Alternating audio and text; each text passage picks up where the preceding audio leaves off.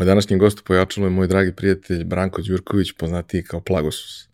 On posljednjih pet godina živi u Berlinu i u podcastu je podelio dosta iskustava vezano za preseljenje, tržište i celu prostu situaciju tamo. Ali naravno pričali smo i o svemu onome što je tome prethodilo i kako je jedan uh, povučeni momak iz Kruševca postao prvo programer, a onda i jedno veoma aktivno društveno biće koje je učestvovalo u formiranju nečega što često zovemo digitalnom zajednicom kod nas. Verujem da ćete uživati. Realizaciju ove epizode pojačala podržala je kompanija Epson. Epson je već više od 20 godina vodeći svetski proizvođač projektora i štampača za sve namene od onih kućnih do profesionalnih. Posebno vam skrećemo pažnju na aktualnu ponudu Epson Business štampača. Naime, ukoliko je došlo vreme da kupujete štampače za vaše poslovne potrebe ili da zanovite trenutnu flotu štampača koju imate, obavezno istražite koja to sve rešenja Epson nudi, jer pored zaista sjajnih štampača koji vam nude besprekoran kvalitet otiska, mnogo manju potrošnju električne energije, mnogo manje otpada generisanog u procesu, uz Epson rešenja uvek dobijete i celu paletu softvera koja se kod drugih proizvođača doplaćuje, a ovde dolazi besplatno za sve njihove korisnike.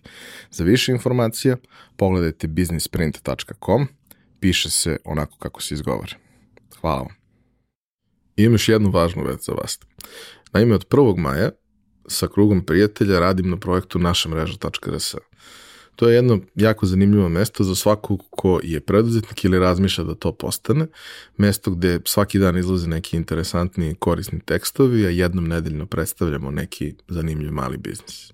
Takođe, svakog meseca radimo veliki intervju sa nekim od zanimljivih ljudi sa, sa ovog tržišta, nekim od ljudi koji su lideri u, u onome što rade, pa tako, evo, prvog meseca imamo Slavimira Stojanovića Futer. Uživajte, informišite se i pretplatite se na mailing listu ako su vam teme zanimljive, jer onda će vam svake nedelje stizati digest svega toga svakog ponedeljka na mail. Hvala vam. Za slučaj da želite da nas podržite vi individualno, uh, možete da posetite link u opisu podcasta na platformi Buy Me a Coffee i tu možete kupiti mesečnu pretplatu ili jednokratno donirati neki jednost koji želite. Hvala vam unapred na tom.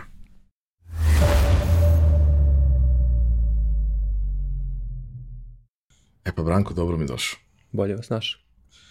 Ti si uh, jedan od redkih ljudi koji su bili u Pojačalu, mislim ti nisi bio, ti si sad u Pojačalu. Pojačavam se upravo. Ovaj, ali koji živi jeli, u uh, Njemačkoj, u glavnom gradu Njemačke. Ja sam veliki ljubitelj, to svi znaju koji slušaju ovaj podcast. Clubbing, sve. A naročito, jeli, njemačka industrija, mehanika i sve ostalo.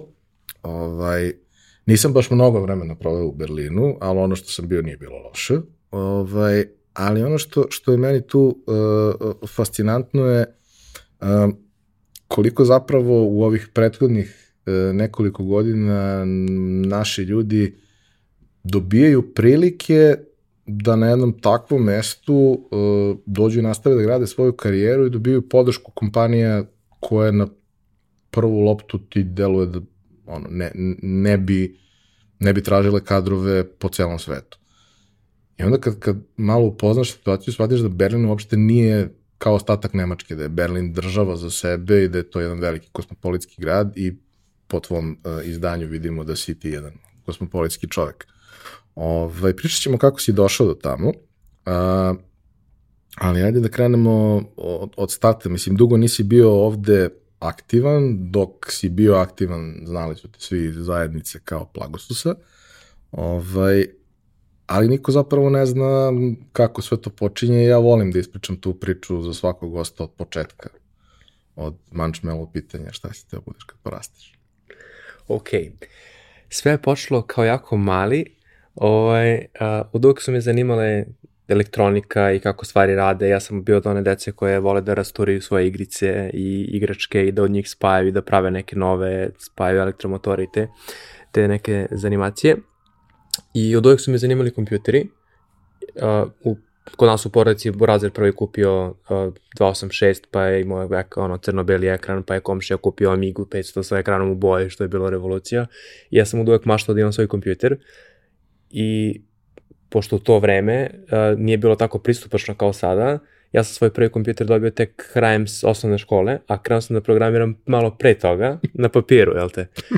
I, ove, ovaj, I to se zvuči nevjerovatno, ali mi smo nekako ta generacija između dva, dve generacije, znači između onih old school, između ovih savremenih koji su odrasli uz internet i između onih starih koji vrte telefon ovako i javljaju se ovim gestom umesto ovim. I nekako smo dodirnuli obe strane i valjda, valjda i zbog toga to se ostavilo posledice na moj, na moj sata karijere. Tako što mene je zanimalo kako te stvari rade i nije me zanimalo kompjuter kao kompjuter kao nešto za multimediju igranje igrice, nego kako radi ta mašina. Tako da sam i pre nego što sam imao svoj račun čitao kako su rani i stari kompjuteri radili kada su bili cijela jedna soba i sve to i meni je sve to bilo fascinantno.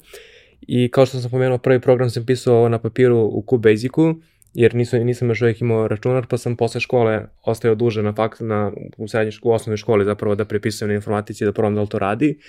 I ovaj, to je, to, se, to je krenula ljubav ka, ka računarima u tom nekom smislu programiranja i kako stvari rade. I ta kompleksna mašina mi je uvijek bila fascinantna zato što ti iz nišćega napraviš nešto što do sada nije postojalo. I to je negde definisalo moj ostatak, ostatak mog školovanja, a samim tim i karijere kasnije. Dosta sam pričao sa, sa ljudima koji su softverski inženjeri uh, o tome koliko zapravo samom, samim nastankom softvera mi dolazimo u poziciju da možemo da pravimo kompleksnu stvar, a da nam ne treba fabrika, da nam ne treba velika radionica, da nam samo treba računar koji je dovoljno moćan da to može da potera, zavisi šta praviš, ali vrlo verovatno može da potera većinu onoga što na početku praviš i, i, i kućni računar. I da je softver zapravo tu otvorio gomilu mogućnosti, a da za ljude koji su tog nekog inženjerskog mindseta nije predstavljalo neki preterani problem da nauče to, ako su mogli da nauče sve ono što je bilo deo i mašinstva i tehnologije i elektrotehnike i, i svega ostalo.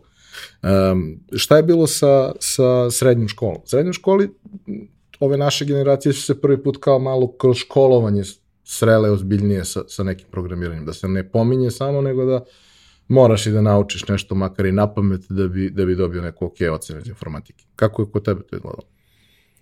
Pa slično kao što si ja spomenuo, a, mi smo u srednjoj školi već imali ono kao Pascal i malo CA, uglavnom Pascal, i meni to nekako sa lakoćem sam razumevao, jer sam imao neko predznanje, ali me je interesovalo, jer računarstvo, to je informatika je takva nauka da što se pokazalo kod mene na fakultetu kao primjer, da ne može svako da završi, nije ono kao, e, čuo sam da to ima para, pa hajde kao naučit ću, ja ću to da radim. Sada već može, zato što imaju mnogo alata koji su pristupačni, ali ranije je bilo, moraš imati taj mindset i biti neko koji posle škole sedi za računarom i pokušava nešto da reši da bi ti to išlo, jel te? I ovaj, tako je bilo i kod mene. Meni je to išlo lagano i ja sam u srednjoj školi išao na takmičenja ovaj, bio treći tada u SCG i četvrti u Evropi iz informatike i to mi je išlo lagano bez da sam učio, zato što meni to nije bilo učenje, nego dođem posle škole i, i dalje nešto radim. A drugi ljudi su to videli kao još jednu stvar koju moraju da nauče za školu, kao što si rekao na pamet ili kako god, samo da prođu i jednostavno ih nije interesovalo, jer kao ne može svako da bude doktor, ne može svako da bude programer, ne može svako da bude umetnik, neko rođen za to, neko nije. Tako da i meni je to definisalo, meni je to išlo, tad sam već rešio da hoću to da studiram, još uvek nisu bile jasno definisane opcije kao sada, ali kao tada sam znao da ću se baviti računarima, nisam tačno znao gde ću šta ću, ali sam kao već planirao, pošto je tada to vreme bilo na ETF-u samo, već sam kao učio više fizike i matematike te nekih stvari, da skupljam predznanje za ono što mi sledi.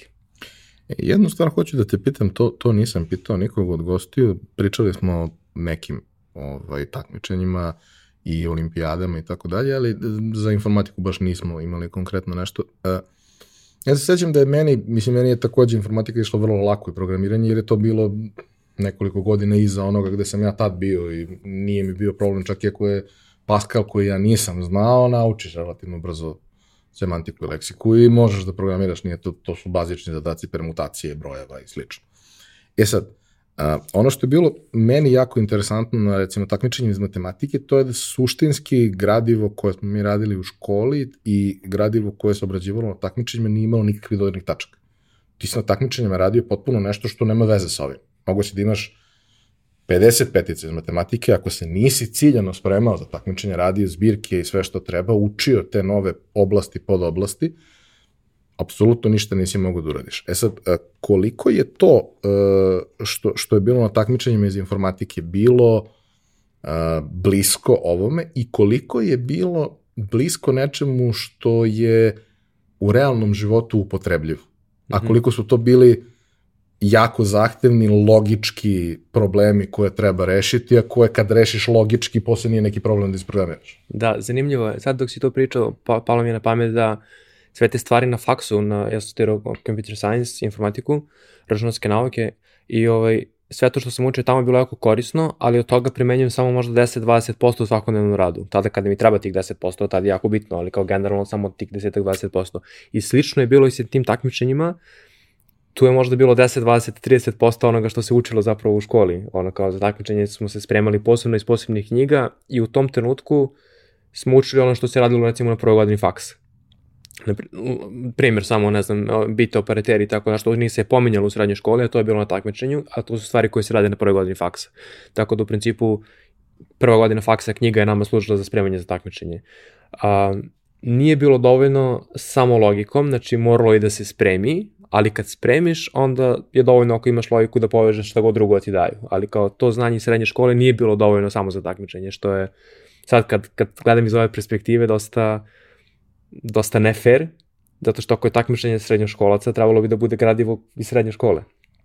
A što možda sa, slučaj, sa, da. sa nečim što zahteva da iskombinuju malo ozbiljnije da, matematike, da. fizike i svega ostalo. Ja se sećam, To su mi pričali, neki nisam, nisam učestvovao u tome, nije, nije toga bilo, ovaj, ali neke mlađe generacije, da je njima recimo jedan vrlo, vrlo zanimljiv aspekt toga bio um, uvođenje kompjuterske grafike u tu celu priču i da ti, mi smo svi u školi radili u najboljem slučaju osnovne geometrijske oblike da iscrtamo, a oni su imali zadatak da naprave demo takav i takav do toliko bajtova, po određenim nekim, nekom setu pravila, da ima svoju muziku, da ima sve ostalo i za to imaju par sati.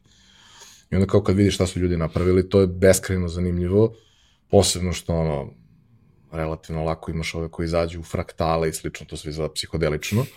Ovaj, ali tako nešto je super zanimljivo, primenjivo, ne naročito, ali makar zanimljivo, dinamično, kreativno i sve ostalo. A onda kad kao malo kopaš po tim, ono, ne znam, olimpijadama iz matematike, fizike i sve ostalo, to je samo jako, jako, jako hardcore. Vrlo malo ima momenta koji su tu stvarno zanimljivi. Možda i ne treba da bude na tom najvišem nivou, ali nekako nisam siguran koliko se ljudi opredeljuje da se bavi time da bi radilo nešto tako. Kako, kako je to bilo? Ajde, na našem, ono, na nivou tadašnje ove, zajedničke države, ok, ali recimo to je evropsko takmičenje na kome si učestvovao. Kako je to izgledalo? Da. Pa sada dok pričaš, ono, meni mozak radi 200% i pokušavam da, da povežem puno nekih priča, ali ja to pamtim skroz drugačije. Nama je to odlazak na takmičenje bilo doživlja i to je jedan dan kada ne ideš u školu, spremaš se, ideš sandviči i sve što ide s to i to je kao ekskurzija, pa usput imamo i neko takmičenje iz nečega što inače volimo i što nas interesuje. Nikad nismo gledali kako se to povezuje sa nekim realnim primerima ili realnim životom ili koliko je to interesantno. Oj, I kod nas je to bilo, mi smo radili zadatke u, ja pošto iz Kruševca, radili smo u Kruševcu u gimnaziji i onda smo slali, pa je neka komisija to ocenjivala i davala bodove i dobili smo samo rezultat da je ono koje smo mesto, a na, to je za evropsko, a na saveznom je bilo top 10 timova išlo za Beograd, pa nam opet to bila ekskurzija, ovaj, te, i onda smo opet išli igrom slučaja sa mojim x godina kasnije cimerima, bio sam s njima u ekipi pa smo zajedno išli na to takmičenje i onda je više bilo kao to što smo već radili na nekom drugom nivou, na drugom mestu, ali kao nismo doživljavali kao nešto teže ili drugačije. Uh, međutim, kada, kada sam kasnije ili recimo sad skoro, uh, neka tako, kada ne mogu da na YouTube-u, gledam te zadatke uh, sa olimpijada iz matematike, na primjer, i onda su jako interesantni zadaci. Kad kažem interesantni, to će različitim ljudima da triggeruje različite delove, delove mozga, ali recimo interesantne stvari iz matematike, meni su neka filozofska pitanja kako se šta definiše, kako šta radi, nisu sad brojevi, ali recimo na olimpijadi iz matematike su zadaci tipa koren od, lopam, 2001 na kvadrat minus 2002 na kvadrat ili 2 na 2001 stepen minus 2 na 2000 stepen i sad to je više trik kako se to reši, jako je zanimljivo taj proces razmišljanje, dok kod nas na takmičenjima uopšte nisu bile takve stvari. Kod nas na takmičenjima su bile igra zadataka, što pojeste vreme, ko pre stigne, ko šta stigne i to. I apsolutno nismo doživljavali kao nešto zanimljivo, a, matematika konkretno, iz informatike opet nije bilo zanimljivo, bilo samo mi to radimo, nama je zanimljivo zato što je to neka naša stvar. I šta god da nam daju mi bi to radili, uopšte nije bilo e zanimljiv zadatak. Jako malo se primjera sećam koji su bili kao e, ovo je zanimljiv zadatak, način kako da se reši ili rezanimljiv postupak ili zanimljivo formulisano i tako nešto. Totalno je, totalno je čudno jer se nekako druge, druge osobine mere kod takmičara u odnosu na na, kako se to radi u svetu, na primjer. Kao da se gleda samo performance. Bukvalno, znači kao da smo svi radili isto i ko će na štoperici da brže i bolje uradi taj set instrukcija zadataka. I da, kao, da, kao da se traži najbrži rešač, rešavač zadatak. A, pre samog faksa, jesi imao dodira sa nekim ljudima koji su se da kažemo, već ozbiljnije bavili programiranjem, neko ko bi mogao malo da te usmeri dodatno nekom literaturom, svim tim stvarima? Pa iskreno ne. To je, bio, para, to je bila paralela sa početkom interneta. Internet je još uvijek bio na dial-upu, pa smo skupili ono, novac odužene da platimo 10 sati i onda učitaš pet stranica, diskonektuješ se dok pročitaš sve i to. I onda smo već počeli sami da nalazimo neke resurse, ali nije to bilo uopšte na nivou kao što je sada dostupno da ti možeš bilo šta da naučiš od video tutoriala, kurseva, svega toga, biše bilo nekih blogova ili bilo čak i naših autora, tako da imao sam kontakte sa ljudima iz naše community tadašnje, koje sam igrom slučaja 10. god 15 godina kasnije upoznao preko Twittera i to uživo, ali sam imao kontakte sa njima preko foruma tada u to vreme Irca, ali ne u smislu mentora ili, ili nego više kao nekih uzora, kao e, ja bih volao da radim ili ja bih volao da radim to što on radi ili, ili tako jedini jedini čovjek koga sam mogao da pitam nešto ili šta je bio profesor informatike u srednjoj školi koji je stvarno bio ono lik legenda za programiranje i kakve god probleme da mu damo, on je znao da nam objasni tačno kako radi ono u, u jedinicu i nulu u računaru i znao je šta nas interesuje i kako da nas zainteresuje da nastavimo dalje. I to je bila jedna osoba koja nas je vukla da, da radimo dalje. Mi smo tražili još, on nam je da, davao to što smo tražili i do faksa je bio jedini čovjek sa kime sam zapravo ja, osim pa drugara, uh, priča o programiranju. Ja sam bio dosta, ajde da kažem tako, stidljiv i povučen kao, kao mali i sedao sam uvek za računarom i to me i definisalo ostatak karijere, zato što dok su drugari izlazili u grad, ja sam bio u fazonu, ali ako sad izađem u grad, popiću dva piva, tri, vratit ću se kući, potrošio sam x sati, a ako ostanem kod kuće mogu da pročitam 20 strana dokumentacije za Apache Web Server, koja će možda nekada mi znači neke nebuloze, ono, dok nisam otkrio alkohol i izlaske i ostatak, ali to je već bilo na faksu, tako da do faksa nisam baš imao neko usmerenje, više je bilo kao neka lična lična hobija, da kažem, zanimatija. I natrpavanje svega što možeš. Ono, Smislenog i besmislenog. Na, na faksu je, na primjer, anegdota jedna, a, profesor je pitao da li znate gde je nastao, gde je nastao web i svi su bili kao Amerika, MIT, Berkeley, bla, bla. I on kao, dobro, znate koji je kontinent? I kao si Amerika, Japan, i ja si ja, i mi kažem Evropa, i kao, znate koja je država? Švajcarska, znate koji je grad CERN, i kao si su u fazonu, odakle ti to znaš? Ja sam se igrom slučaja setio da je to u, u knjizi od uh, Apache bilo jedna fusnota gde je nešto nastalo tamo jer su oni hteli napraviti sistem za kategorizaciju knjiga i tako nastao web, ono hypertext. Uh, totalno random stvar, ali opet to je povezano sa mnom i sa mojim nekim pamćenjem nekih totalno nebitnih random stvari u životu. E, znam zašto smo se uvek dobro razumeli, tako da to, da, to nije problem. E sad, uh, faks. Ok. Uh, podrazumeva promenu grada, podrazumeva svašta nešto, a podrazumeva i tu neku veoma veliku i značajnu i važnu odluku jer ne dolaziš na lak fakultet. Znači, dolaziš da upišeš nešto što se smatra najtežim fakultetom. Nikome nije jednostavno to u kombinaciji sa svim tim da, ok, Kruševac nije mali grad, ali onda da, dođeš da, u Beograd i shvatiš da jest. Ovaj, kako je to sve izgledalo, kako je izgledao prijemni, kako je izgledalo sve to što se, što se tiče samog ono, ulaska u tu priču, poznavanja sa tim nekim prvim ljudima i sve. Jednom rečenicom, to je bilo jedno ludilo sastavljeno od hiljada ludila, u svakom smislu. Pre svega, znači krenujem od privatnog, da sam ja živao sa roditeljima, sad da sam jedan put morao da živim sam, sam da spremam hranu, sam da perem sudove, da razmišljam o garderobi, o budžetu, koliko šta košta, gde sam se nalazio u situaciju da zovem drugaricu telefonom da pitam je li za 200 dinara skupo za šampon ili nije. A, krenuo je već Twitter kada si imao čuveni tweet pitanje za muškarce gde kupujete veš zato što kao to ili imaš ili ga dobiješ, nikad ga ne kupuješ i tako te neke savete puno stvari se promenilo u životu. Slično se desilo kada sam se preselio za Berlin, ali to mi je bilo prvi put da sam imao ogromnu promenu u životu. Plus, uh, ceo proces fakulteta nije imao veze nikakve sa srednjom školom, znači način učenja, način predavanja, način svega. Uh, prijemni je bio isto ludilo, ali čak i najlakša stvar u svemu tome, jer sam ja kao uh, osvajač takmičenja trebao da budem oslobođen prijemnog i dok su se svi spremali za prijemni, ja sam studirao matematički i tu se polagala sama matematika, bilo je, moglo je diploma iz matematike ili informatike i ja sam bio u fazonu dok su svi spremali ispite, dok su svi spremali prijemni ispit cijelog radnog raspostaja, ja igrao igricu u igronici i radio u igronici i kao, ha, što niste učili ranije. Ove, ovaj, I onda sam dva dana pred prijemni saznao da moja diploma neće biti priznata iz x razloga. I onda sam krenuo da spremam da spremam prijemni. Još jedna zanimljiva stvar je da sam ja iz matematike u srednjoj školi bio dosta loš, u smislu da sam polagao svake godine u avgustu za dvojku iz a, drugih razloga i da sam upisao matematički fakultet, što malo zvuči neverovatno, ali ja sam jedan od petoro šestora ljudi koji je očistilo celu prvu godinu na matematičkom, jer kao morao sam to da uradim da bi ostao na budžetu, jer kao nije bilo druge opcije. Kao ono, kada, kada naznaš da je nešto nemoguće, ti to uradiš jer nisi znao da ne može.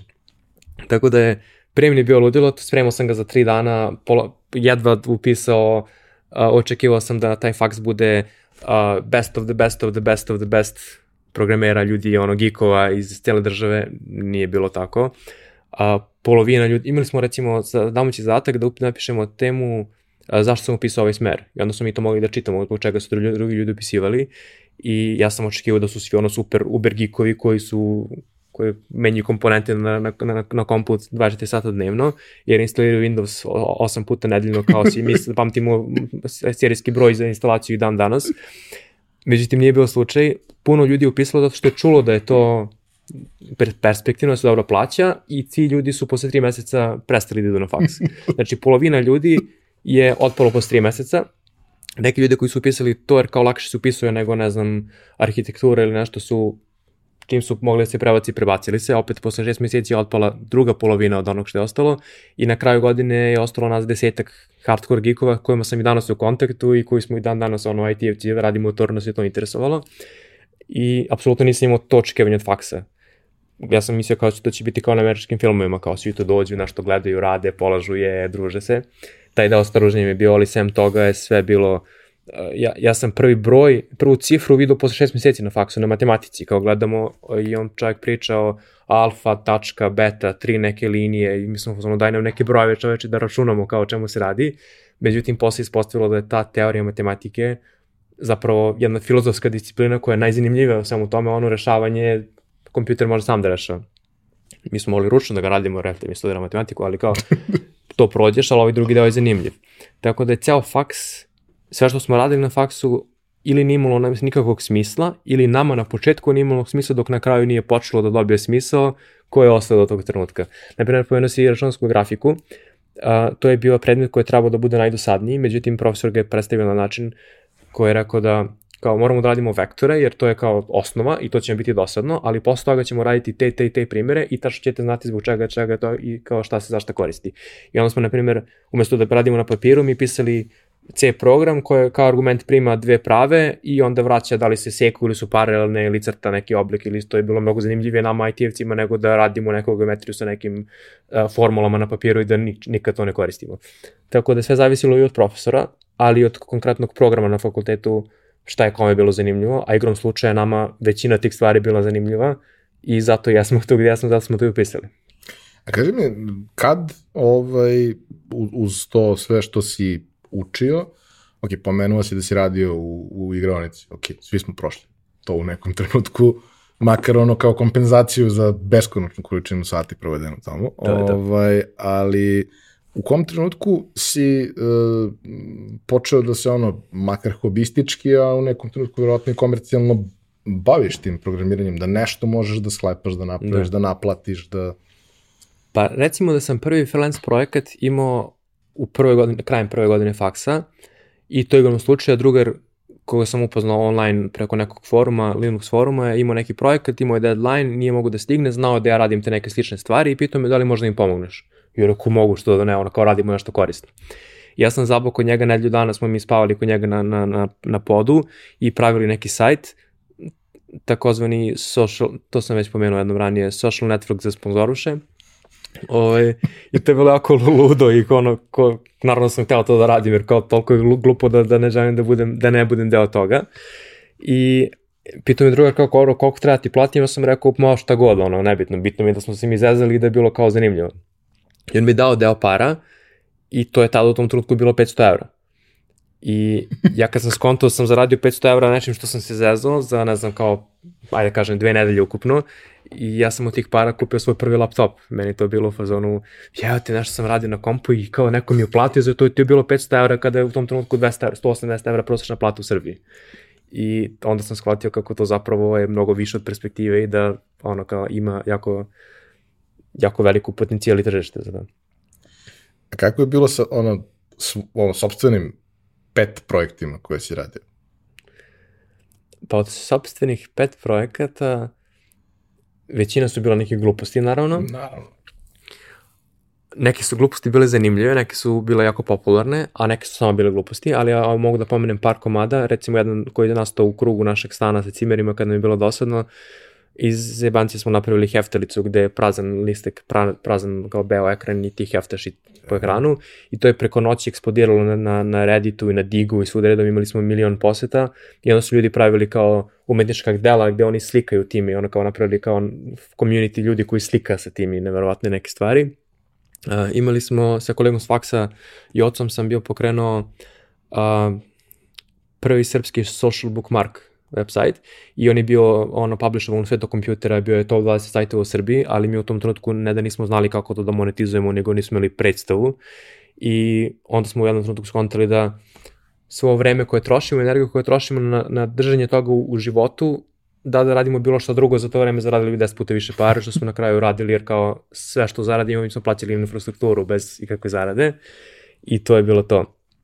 Tako da smo, to je, to je jedan od glavnih problema uh, Srbije interneta u Srbiji u to doba dosta je bilo malo tržište i jako se teško monetizovalo, posebno ako mi IT-evci mislimo da znamo sve i da možemo sve sami da radimo, posebno ako nemate nekoga ko se bavi time, znači ne stvaranjem proizvoda nego prodajom i ono kao marketingom, a, sve to nema smisla. Kao džabe vi napravite bilo kakav super proizvod ako niko ne sazna za njega ili kao to ne plati da, na kraju. mislim, ono, možda i možeš da ga monetizuješ, ali ti jako treba jedno teško. dve godine, a da, dve godine treba, treba, treba da prežive da a to košta. Da. Jer je infrastruktura u tom trenutku i dalje prilično nedostupna i skup.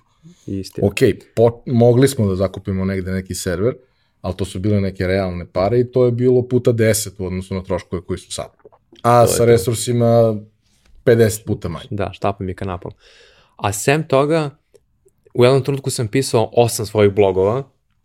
Imao sam blog o fotografiji, blog o snowboardingu, blog o gadgetima, blog o lifestyle, lični blog, svašta nešto i to, ja sam to radio svakog dana po 2-3 sata sam ja trošio na pisanje toga, istraživanje SEO, šta se traži na Google, čega nema sadržaja, pravio, ali kao od svega toga sam od Google AdSense-a povremeno jednom godišnje zarazivao 100 evra, a mene toliko koštao hosting za sve te stvari koje sam radio, više je to bilo kao hobi, dok u jednom trenutku nisam rekao, ok, ajde, podvuci crtu, ujemo kao nešto realno.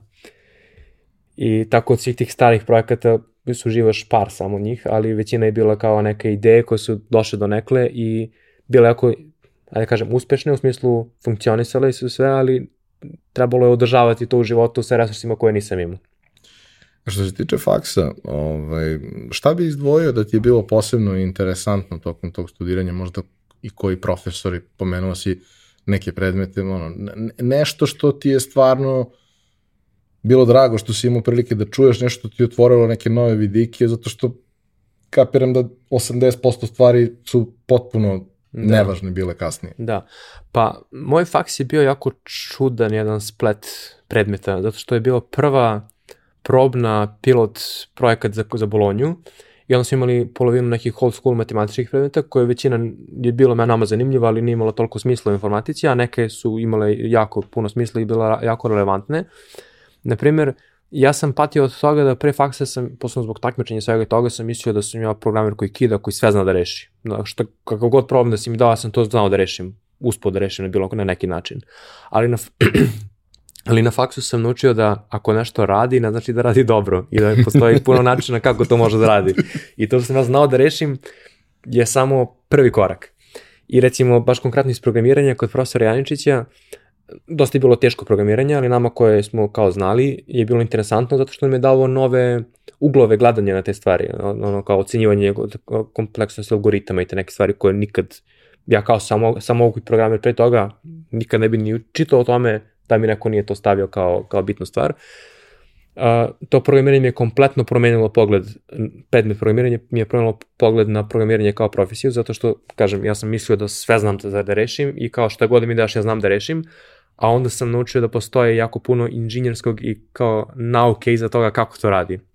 I tek onda kad sam posle kasnije upoređivao sa programima sa drugih fakulteta, gde se negde, primer, negde se piše Q-sort, negde se koristi, a negde se ni ne pominje, nego kao sortirate, je veli, mnogo velika razlika. Sad u realnosti ne toliko, ali na nivou na fakulteta je to suštinska razlika da li ti razumeš kako nešto radi, da li znaš da ga koristiš ili ne znaš da postoji.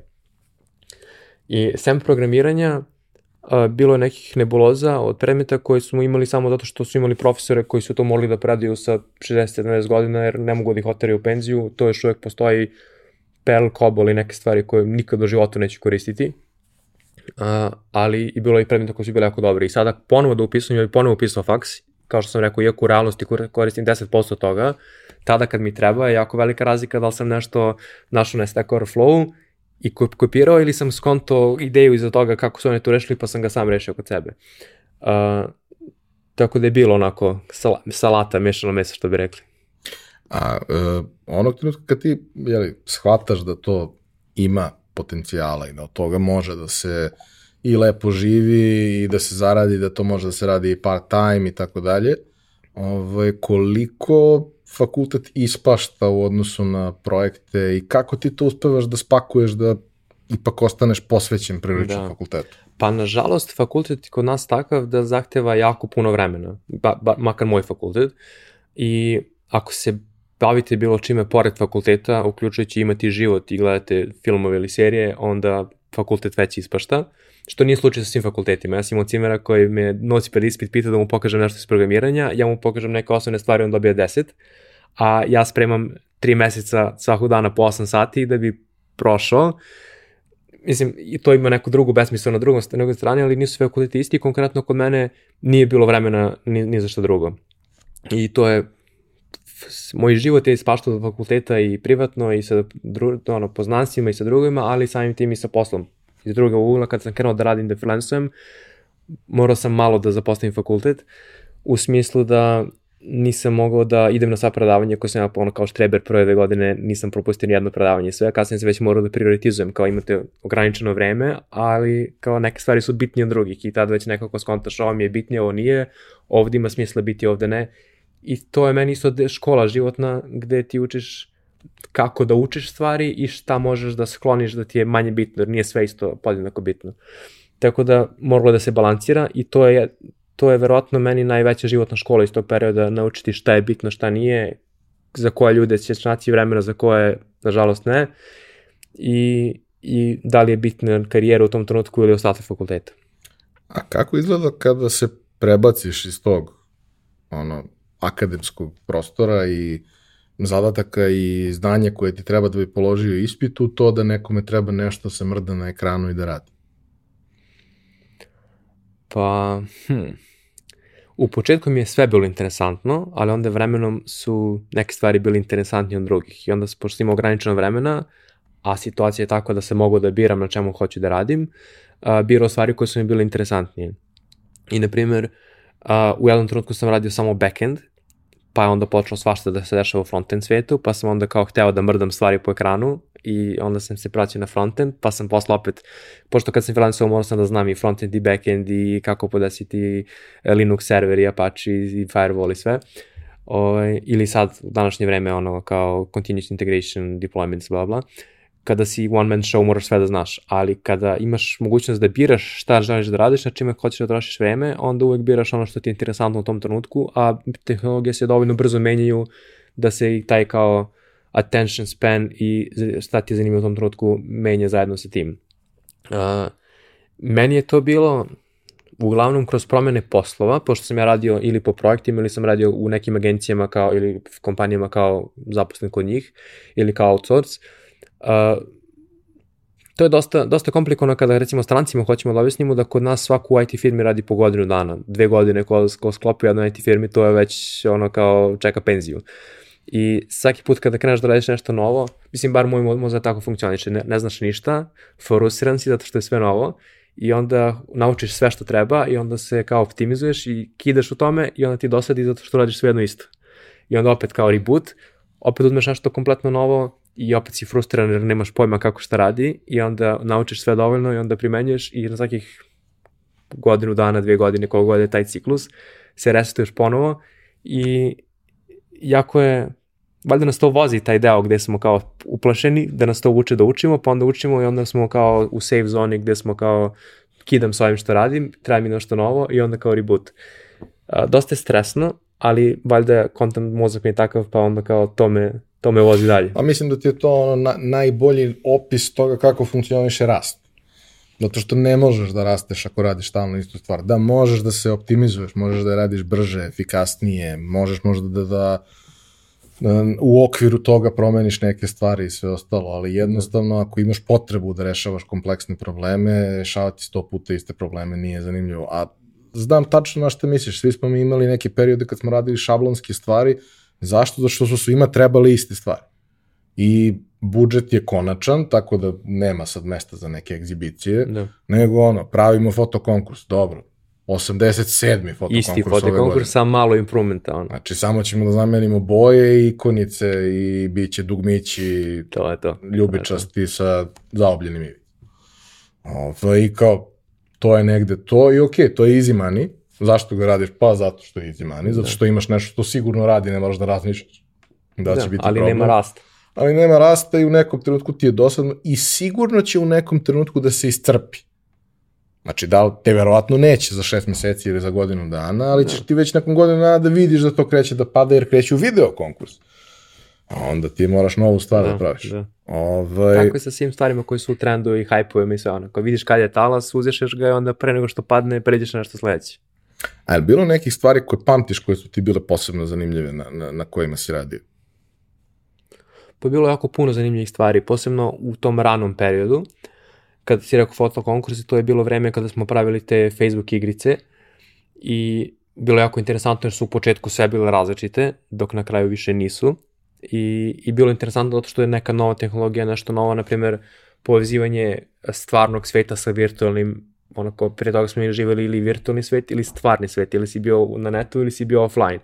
I onda smo odjednom počeli da imamo internet na telefonima i Foursquare i Twitter i sve te neke geolokacijske servise, pa smo pravili za, za Coca-Cola, na primjer, ono kao dođeš u neku prostoriju, čekinuješ se i dobiješ piće i kao odjednom se nešto desi u stvarnom svetu zato što si nešto uradio virtualnom ili kao platiš nešto, nestanu ti prave pare sa računa, ali dobiješ proizvod kao, mislim, to ali downloaduješ proizvod sa, sa interneta i to mi je bilo u tom trenutku neki ono novi svet iz jednog, jedne generacije u drugu, malte ne, ono kao prebacivanje. Da, pričamo pre skoro 15 godina. Da, 2004. peta, šest. Pa, znači više od 15. Nije stvari to, da. Da je 7, 8, to je 7, 8, 7, 8, 10, da.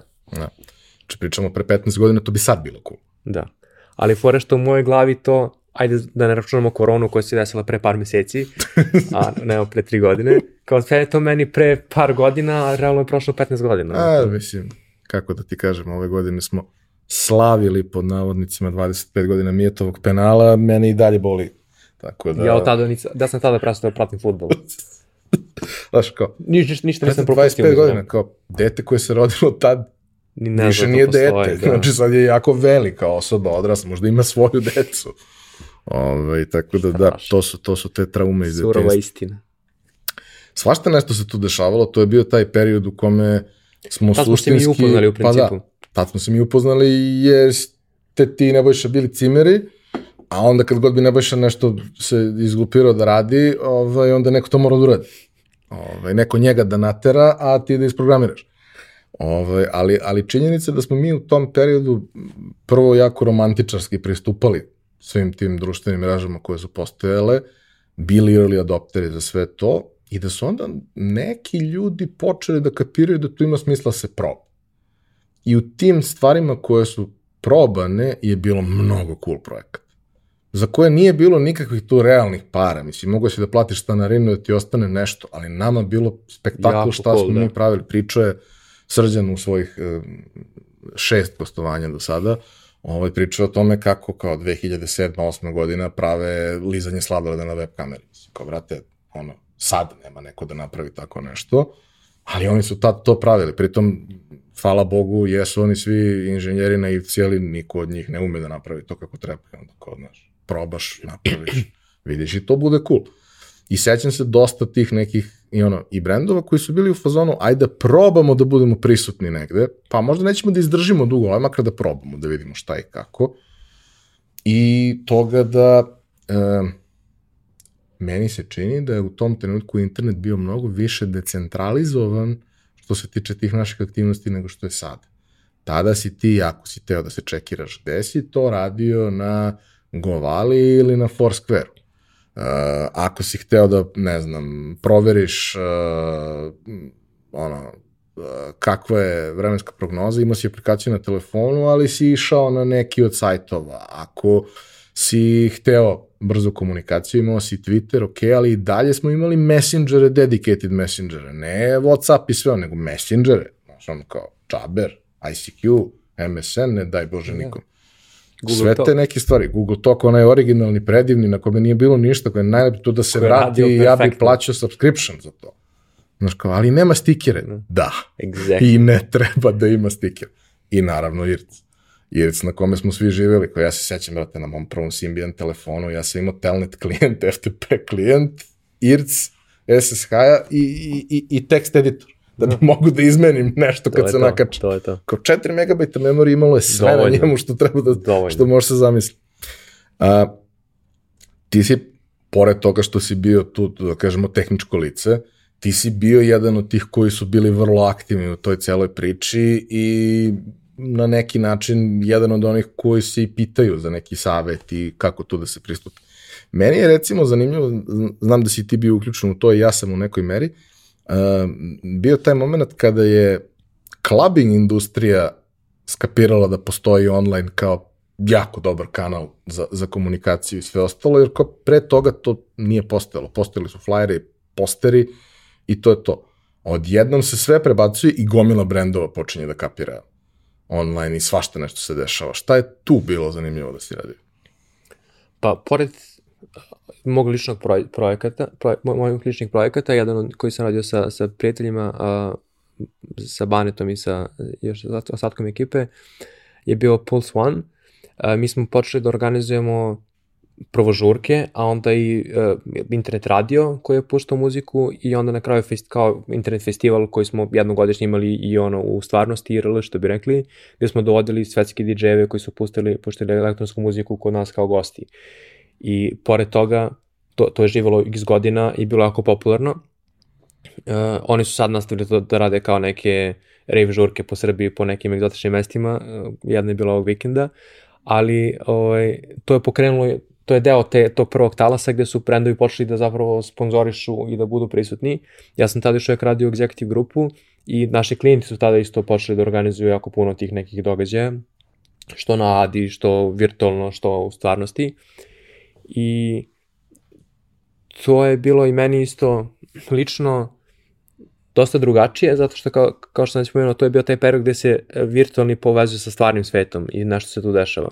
I iz jednog smera i iz drugog. Recimo, kad smo radili za X Factor, a, bilo je da ljudi glasaju tweetove ili da tweetuju da se to u realnom vremenu pokazuju na ekranu neke grafikoni, neka glasanja, neke stvari i da to odluče pobednika na kraju u tu nekoj emisiji ili makar deo bodova, što je bilo jako interesantno, ali jako naporno, zato što nismo, nismo imali radno vreme, mi smo bili 24 sata available i u 11 sati uveče i u 3 ujutru kad pukne, svi te zovu i sve, a mi to radimo zato što nam je interesantno, jer još nema tu nekih ozbiljnih para.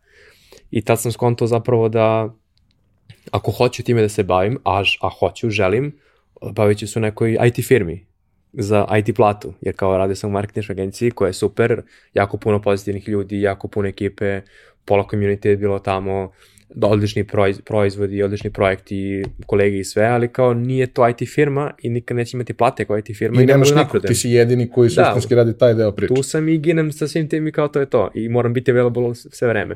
I tad sam rešio da zapravo hoću da, da pređem da radim kao pravi programer kad porastem u IT firmi i, ovaj, i to mi isto promenilo mene lično zato što sam krenuo da se bavim zapravo IT-em, a ne eksperimentima koji su možda prošli, možda ne.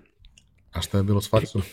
Uh, faks je isto u to neko vreme morao da pati i pošto sam počeo da radim kao, kao full time i imao svoje projekte naravno pored toga, sve sam manje imao vremena za faks i umeđu vremenu su bila bolonja, promene akreditacija, svih te nekih stvari. Došao sam u situaciju da ja pošto sam upisao po starom, taj program nije akreditovan i ja ne mogu da preuzem diplomu jer je ona sad po novom, a ako hoću novi moram sve da platim i da čekam i da na kraju možda dobijem, možda ne. I to je bio užasno kompleksan, kompleksan proces koji sam ja samo digao ruke u nekom trenutku i nikad nisam podigao diplomu. A ostao ti je jedan? Je, je, jedan i dva možda. jedan ili dva. I što najgore nisam jedini, jako puno kolega sa faksa isto u nekom trenutku samo da kažem, popizdalo i ono, otišlo jer nije mi taj faks trebao, znanje je bilo tu, ali zbog administracije, formalnosti i svih tih glupih nekih stvari jednostavno nisu mogli da dobiju papir da su to završili jer se promenilo i samo su onako let it go i ostali na tome.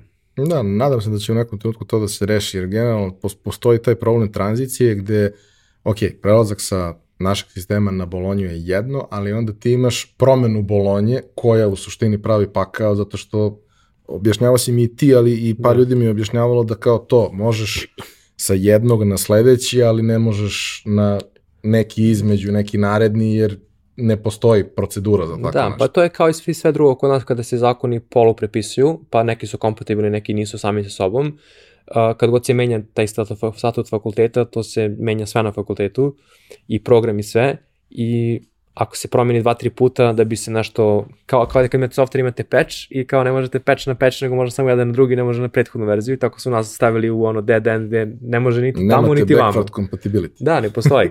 I onda sam ja imao jedini iako sam platio sve na kraju, uh, školarine za to posljednje deo i sve, oni su mi rekli kao jedino što možemo da uradimo je da upišeš ti ponovo sad od početka, pa ti mi sve priznamo, ali kao ne možeš da upišeš više nego koliko jedna godina može, pa ti kao platiš, sve ti priznamo, ti iskuliraš godinu dana, pa sledeće godine platiš ponovo, pa ti ponovo priznamo i tako četiri godine i on ti pete godine mi damo diplomu i ja sam rekao ajde doviđenja.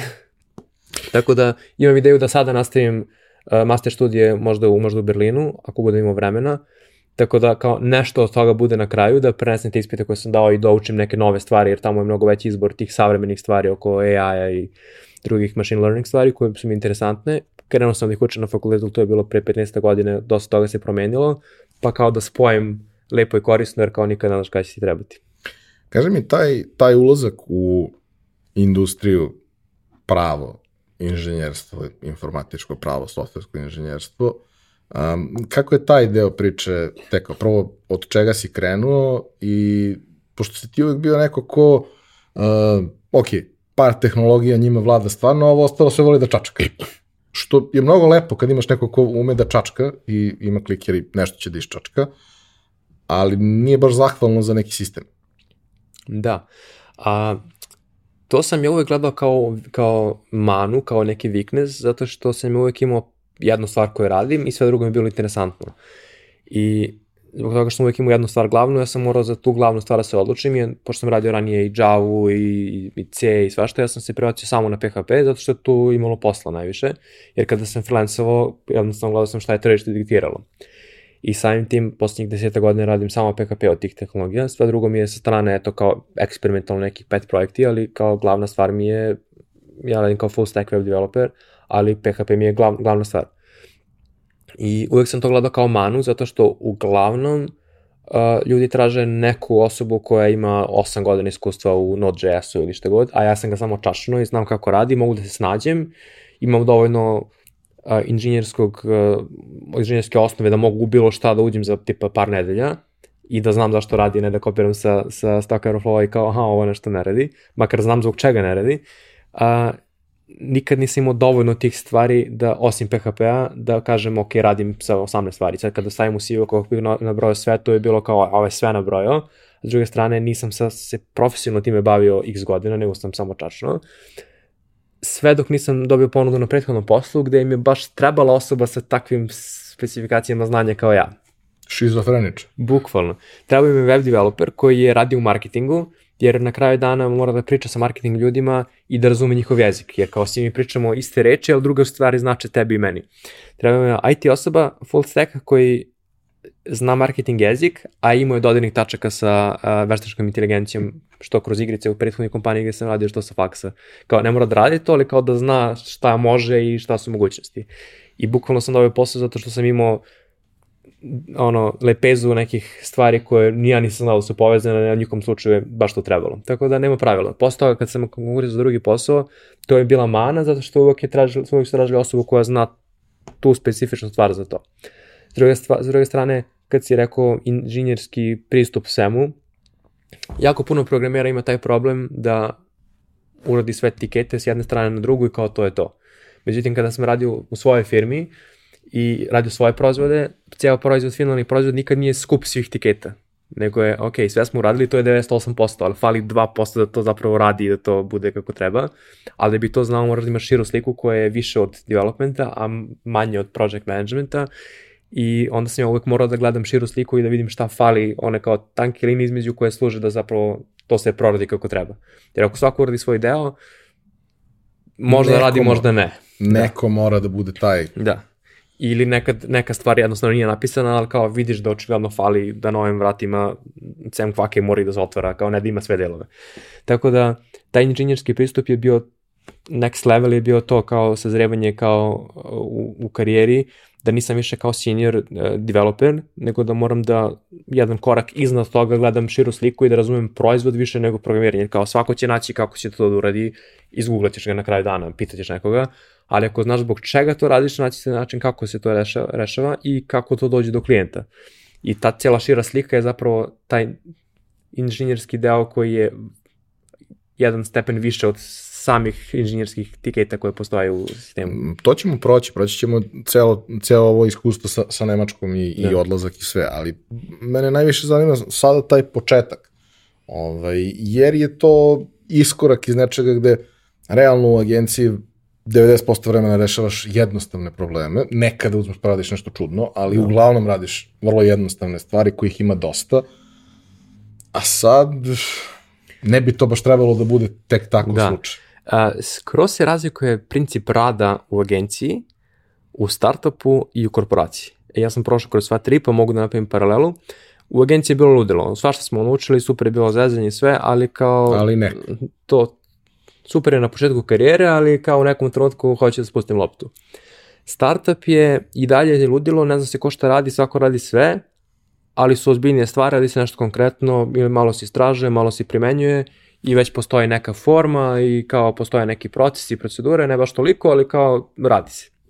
Dok u agencijama, u korporacijama, na primjer, je skroz druga stvar. Tu si deo sistema, jedan zupčanik koji radi svoje, u pet svidu kući, nikoga ne interesuje da li je zapravo nešto urađeno ili ne, bitno da se tiketi prebacuju, da li to ima svrhu ili nema, nikoga ne interesuje.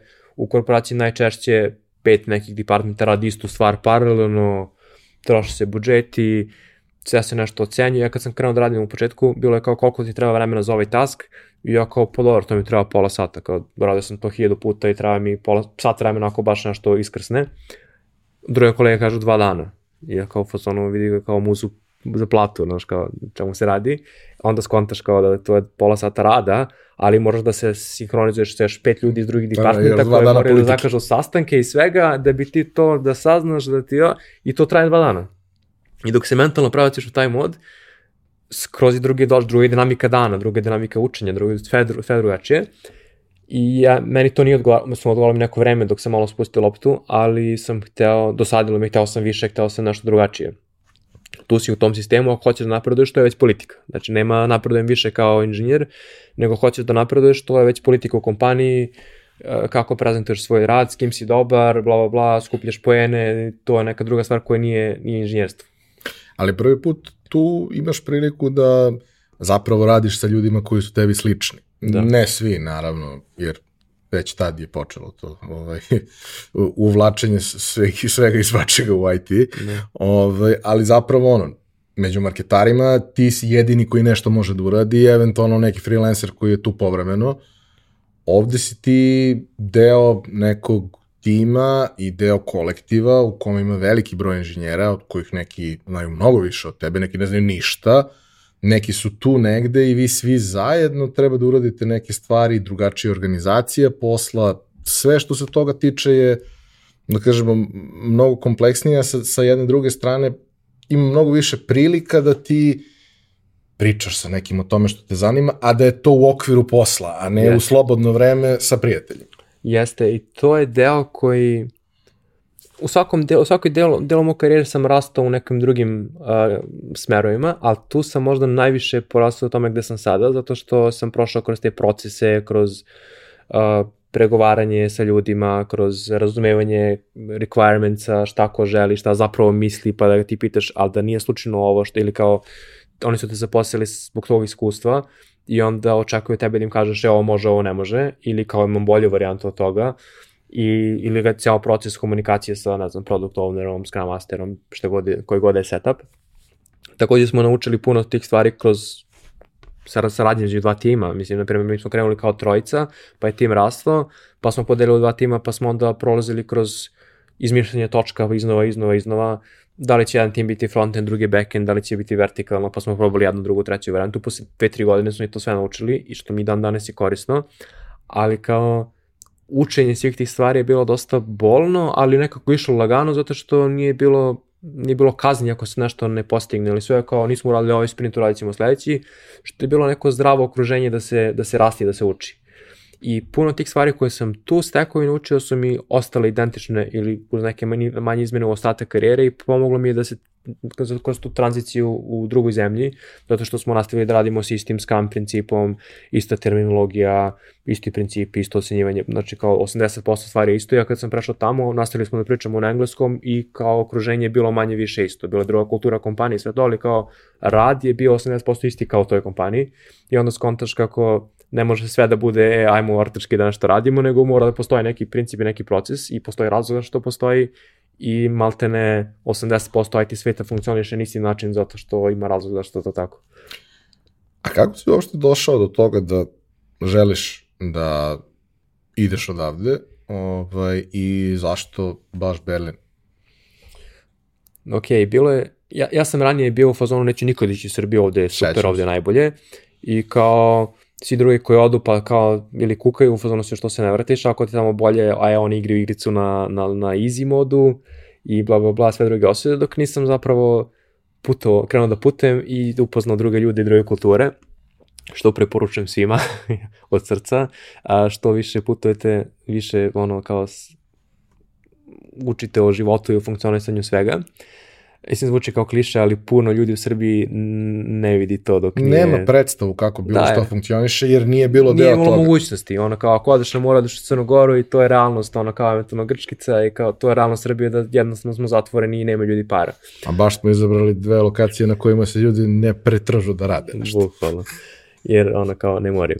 A ja sam zašto Berlin? Od uvek sam nekako maštao o tome da odem negde, ali da ne budem da provedem neko vreme, da budem minimum 3 meseca ili recimo 6 meseci negde, da malo osetim kulturu, vibe, ljude, sve to. I ne da odem da radim u firmi, nego da budem baš ona kao među ljudima i da, da, da živim tu. I ideja mi je bila u nekom svom idealnom svetu sam hteo da budem, ne znam, 6 meseci u Londonu, pa 6 meseci u Berlinu, pa u Skandinaviji, pa u Španiji, ako krenemo od Španije, verovatno neće ići u hladnu gore, nego kao ozgo na dole. Ali to realno, nije, nije realno, zato što ne možeš da odeš prvo na šest meseci nego drugu državu. Drugo, niko neće te, možda da nađeš posle sve, niko neće te zaposliti na šest meseci pa ti zapališ. Ajde, kao tri meseca sad već može, ali to je, mislim, nije tako lako izvodljivo. I onda sam rešio kao, ok, ajmo nešto realnije, da nađem negde gde mogu da zaposlim na godinu dana, pa vidim kako ide, ide, ako ne, uvek mogu nazad na, na isto kao što sam bio. S druge strane sam hteo da promenim okruženje, da malo upoznam neku drugu kulturu, da vežbam jezik, da upoznam druge ljude.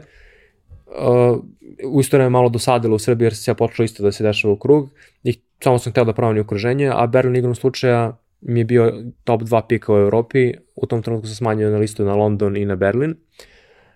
A, I drugar je imao startup za neke jeftine aviokarte i svaki put kad otvoriš laptop on ti pokaže jednu destinaciju gde je jeftina karta i izašao mi je Berlin za 9,99 evra, ja sam bio u fazonu ok, za te pare uzimam čak i da ne odem. Otišao sam na nedelju dana, svidalo mi se, rekao sam dajem otkaz, selim se ovde.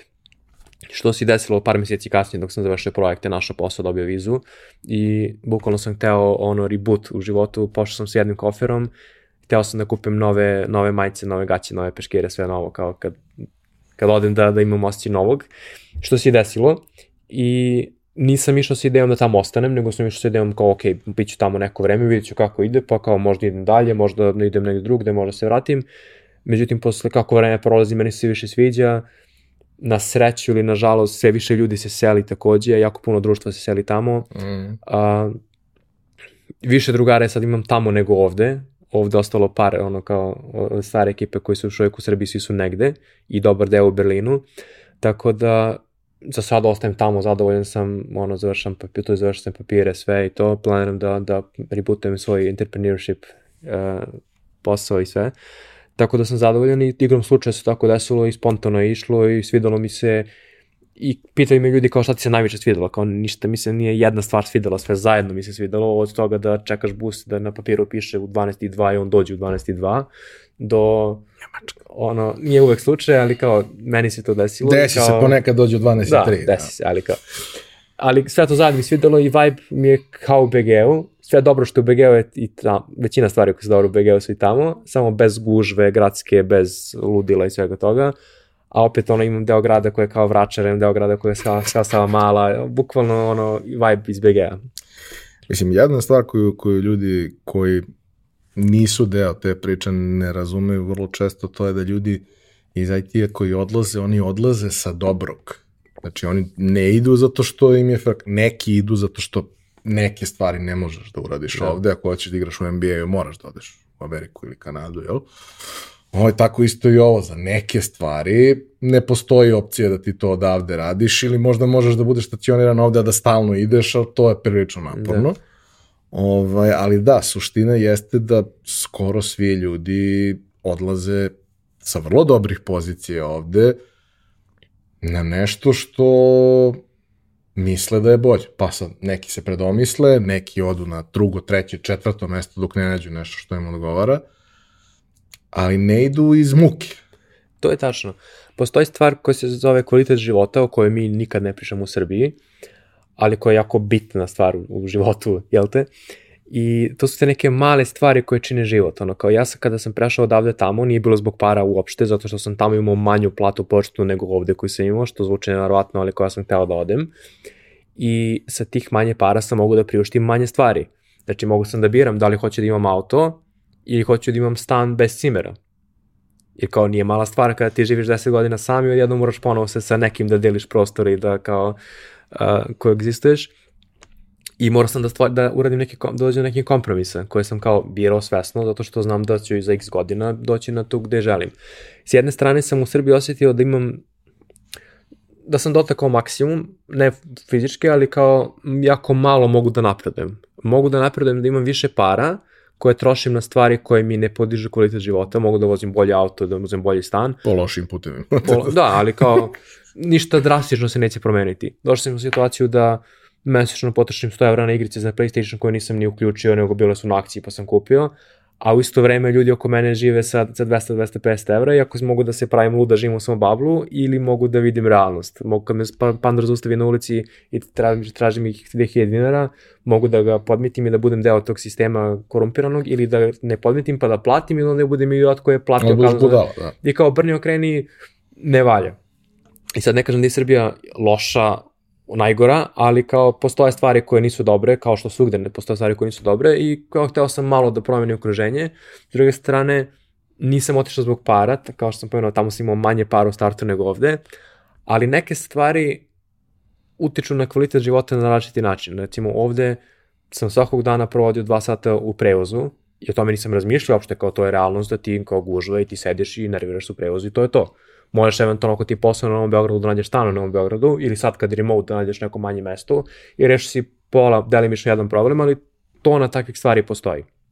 Ono, uh, ovde se nikad ne priča o kvalitetu vazduha, sad posljednje vreme počeo se priča o kvalitetu vazduha, ali ne priča se o, o u nivou buke u gradu, o, ne znam, tona nekih stvari, e, energetskim efikasnostima i. Sad zvuči kao neki science fiction, ali tamo kao svaki stan kad uzimaš imaš procenat koliko ti je gubitaka struje, da su stare instalacije, ta struja je skupa, pa je velika razlika da li ti plaćaš 50 tera više mesečno ili manje zbog loše struje ili ne, jer ako kupiš frižider pa on A, B, C kategorija, kod nas to niko i ne gleda, tamo ako kao kupiš jeftiniji, to te meseć, godišnje košta 50 evra više ili te košta više koliko taj frižider košta jer si kupio u štedu kao start. To su neke stvari koje svako tamo gleda, nije kao gikovi, nego kao to je stvar koju gledaš.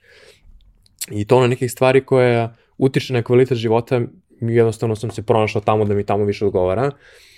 Fale mi neke stvari odavde, burek i jogurt, ovaj, ali većina stvari, kao ja sam takva ličnost da mogu da se uklopim bilo gde i ako već mogu, uklopit ću se tamo gde mi odgovara i volim da dođem, volim i što sam tamo, mislim, sam da ostanem u Berlinu i sve, ali razlikuju se stvari i nije uvek do plate. I opet s druge strane i se isto, ako pričamo samo o količini para, nije isto 500 eura ovde i 500 eura na nekom drugom mestu, jer negde su kao život jeftiniji, negde možeš više da, da kupiš za manje para i sve. Sve to treba da se uzme u obzir, nije samo kao oni zarađuju više, ja veći troškovi, nego kao drugačije su stvari. Jedno na kraju dana kad povučeš crtu imaš kako ja živim sa tim. Kao, to se kod nas ne vidi toliko, ali recimo ideje, kolegi indicije koji su došli, ovi koji su došli u Nemačku, oni su imali kućne pomoćnice i sluge i sve i svašta, ovde nemaju. I to je njima drastična razlika u životu. A sve košta mnogo puta više. I kao ako njima je ovo nešto bolje nego da su imali tamo da ih služe i sve, znači da tu ima neke razlike opet kažem, treba svako da putuje, da provede vremena, pa da vidi šta mu odgovara, šta ne, nije, nije za svakog i nije kao svakome isto, ali kao treba ljudi da putuju da znaju, ako, ako ništa drugo, da znaju šta neće. Na samom početku spomenuo to da, ono, i generalno feedback od ljudi, moje lično iskustvo, je da je Berlin, Berlin svetu malo, da onako nije, ne može da se poredi ni sa jednim velikim gradom u Nemačkoj, bio sam u dosta njih i ono, meni je Minhen fantastičan, ja ga obožavam, ali da dođem u posetu, ne bih volao da živim tamo. To je to. Možda bi mi odgovaralo, ne znam, ali ne deluje mi da, da bi, da bi bilo tako. Berlin mi je ostavio super utisak, ali opet mi ne deluje da bi meni bilo prijetno, da bih ja volao da živim tamo, posebno što kao postoje različiti delovi grada koji su za različiti profil ljudi i tako dalje. Ovaj, ali dosta mladih ljudi jako dobro reaguje na to. Vidjet ćemo koliko vas će ostati u nekim starijim godinama na, na, na tako energičnom mestu, ali uh, tvoj odlazak tamo prati to da smo negde svi mi se upoznali sa Berlinom onog trenutka kad si ti otišao, jesi ti šerovo dosta informacije o tome. Bilo je tamo ljudi, oni bi po nešto rekli, tu i tamo, ali ti si se prilično posvetio tome da i nama koje to interesuje i ostalim ljudima koje zanima da odu tamo da žive, na vas interesuje turistički, da nas, da nam negde približe tu celu priču. Sad, volao bi da na neki način iz svog ugla, posebno sa ovih pet godina, oslikaš malo kako to sve funkcioniše. Mi primarno pričamo ovde ljudima koji su u našem poslu, dakle, ok, neki digitalni whatever, ili softverski inženjeri mm -hmm. i ovaj, srodna zanimanja, dizajneri i sve da. ostalo. Da. Pa prva stvar koju si rekao, apsolutno tačno, da je Berlin svet za sebe posebno u odnosu na Nemačku. Nemci generalno ne vole Berlin iz puno razloga, njima je to kao e, prljavo, mi plaćamo, oni troše, no, troše pare, bla, bla, bla, bla, ali kao Berlin sam po sebi je jedan onako hippie community, ne, nije samo to, ali kao, ako bi morao da zaberem jedan opis, to je bilo kao hippie državica da grad za sebe, sa 3,5 miliona ljudi, gde bukvalno svako može da pronađe nešto za sebe. I sad, meni je možda to bilo interesantno zato što smo mi kao ovde na Balkanu uvek bili između dva sveta, istog, zapad, ćirilica, latinica, pravoslavlje, kada šta god, uvek smo bili između dva sveta i oni su nekako bili između dva sveta i to se oseti, to se i dan danas oseti. Znači, taj Berlinski zid je ne postoji već 30 godina i dalje se oseti. Znači, Ma, ja kao zgradama, stranac, ja kao stranac dođem i vidim, ajde kao zgrade, drugo, ali mentalitet ljudi je različit. Znači, mentalitet, ono, drugo, osjeti se. I to je i dobro i loše. Neko, neko, dosta je polarizujući grad. Nekome je ekstra, nekome je katastrofa. I to treba doživjeti da bi znao šta je kako. I sad kao s jedne strane imaš istok gde je sve kao prljavo, ali su svi sve jeftino i svudje grafiti umetnici su i prodaju ručne radi i sviraju i bla bla bla i voze se Opel Astre i Moskvići i ono svega, dok na zapadu imaš G klase, Porsche, Lamborghini, Mercedes i to i sve je čisto i uredno i dosadno i sad kome se šta, kome se šta svidi. Što se tiče, isto, isto je za sve druge sfere života, znači uh, ako si umetnik imaš delove koji su ti zanimljivi, delove koji nisu. Ako si IT-evac imaš puno do, događaja, eventova, uglavnom je to, cel, to je glavna prednost. Super mi je taj moment što postoje da. veliki događaj, to, Da. ok, za to svi znamo, ali ono što mi je posebno bilo interesantno je što postoji beskonačno malih događaja za specifične grupe To ljudi, da se skupi 20 ljudi koji rade nešto To to. jako To je specifično. to. Svi znamo za velike događaje, konferencije koje se dešavaju jednom godišnje, ali bukvalno se svake nedelje, znaš, na meetupu ili na Kraft Facebooku ili pivo gde i sve god, da, ostalo i sede čudni ljudi pričaju o nečemu o šta čudnom. god, svašta, znači svakve radionice. Ja kad sam se preselio, to mi je bila glavna aktivnost. Ja sam svakog dana i posle posla išao da, na nešto, šta god, na sve. Na sve sam išao. Jer kao, hteo sam da upoznam community, da upoznam ljude, da se povežem, napravim konekcije, jer kao treba će mi to posle kad budem pokrenuo svoj posao. I puno tih stvari je bullshit, ali puno stvari je dobro, ono kao imaš ljude koji su svi nesnađeni, od nekud došli, 80% ljudi je sa strane, svi pričaju engleski i kao lako se poveže s ljudima, što nije slučaj za ostatak Nemačke. I kad god imaš ljude koji cirkulišu, tu cirkulišu ideje i nekad može nešto se desi, kao ako dok nisi promešao sve na jednom, u jednoj kao šerpi, nije se, nije se skuo ručak. Um, ono što bih ja izdvojio da to, kao ima jako puno malih događaja na, na različitim nivoima, različitim platformama i svako može da nađe nešto zanimljivo i ima jako puno community što naših ljudi, što tematskih, što IT-evaca, što van IT-a, gde možeš da upoznaš svakve neke ljude sa kojima možeš da sarađuješ ili jednostavno ono kao da su poznate da pričaš o čemu god. I to je neka glavna prednost Berlina, zato što je BG u jednom trenutku postao takav, imali smo tweet-upove, pa smo imali bla bla i svašta, svašta nešto se dešavalo. I onda je to malo zamlo, ali je iz toga se rodilo puno nekih drugih eventova, događaja eventova, bože. Ove, puno nekih događaja, stvari koje se dešavaju, a, što se tamo neprestano dešava i ono stalno vri sa nekim novim idejama, novim ljudima i zanimljivo je da je prosek godina 26 ili 27 u cijelom Berlinu, zato što ima jako puno mladih ljudi, studenta, uglavnom dođu umetnici koji se ne snađu, prvo budu tu, ono, ne mogu da izdrže jer skupe su rente i sve i onda odu, ili studenti koji čim nešto uđu u neku kombinaciju odu u druge gradove ili ima više para.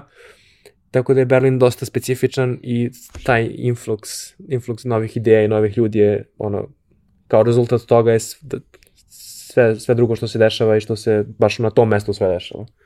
A kako je sa, sa strane uh, birokratije, odnosno jedan od razloga ti si razmišljao Da. o Londonu i Berlinu.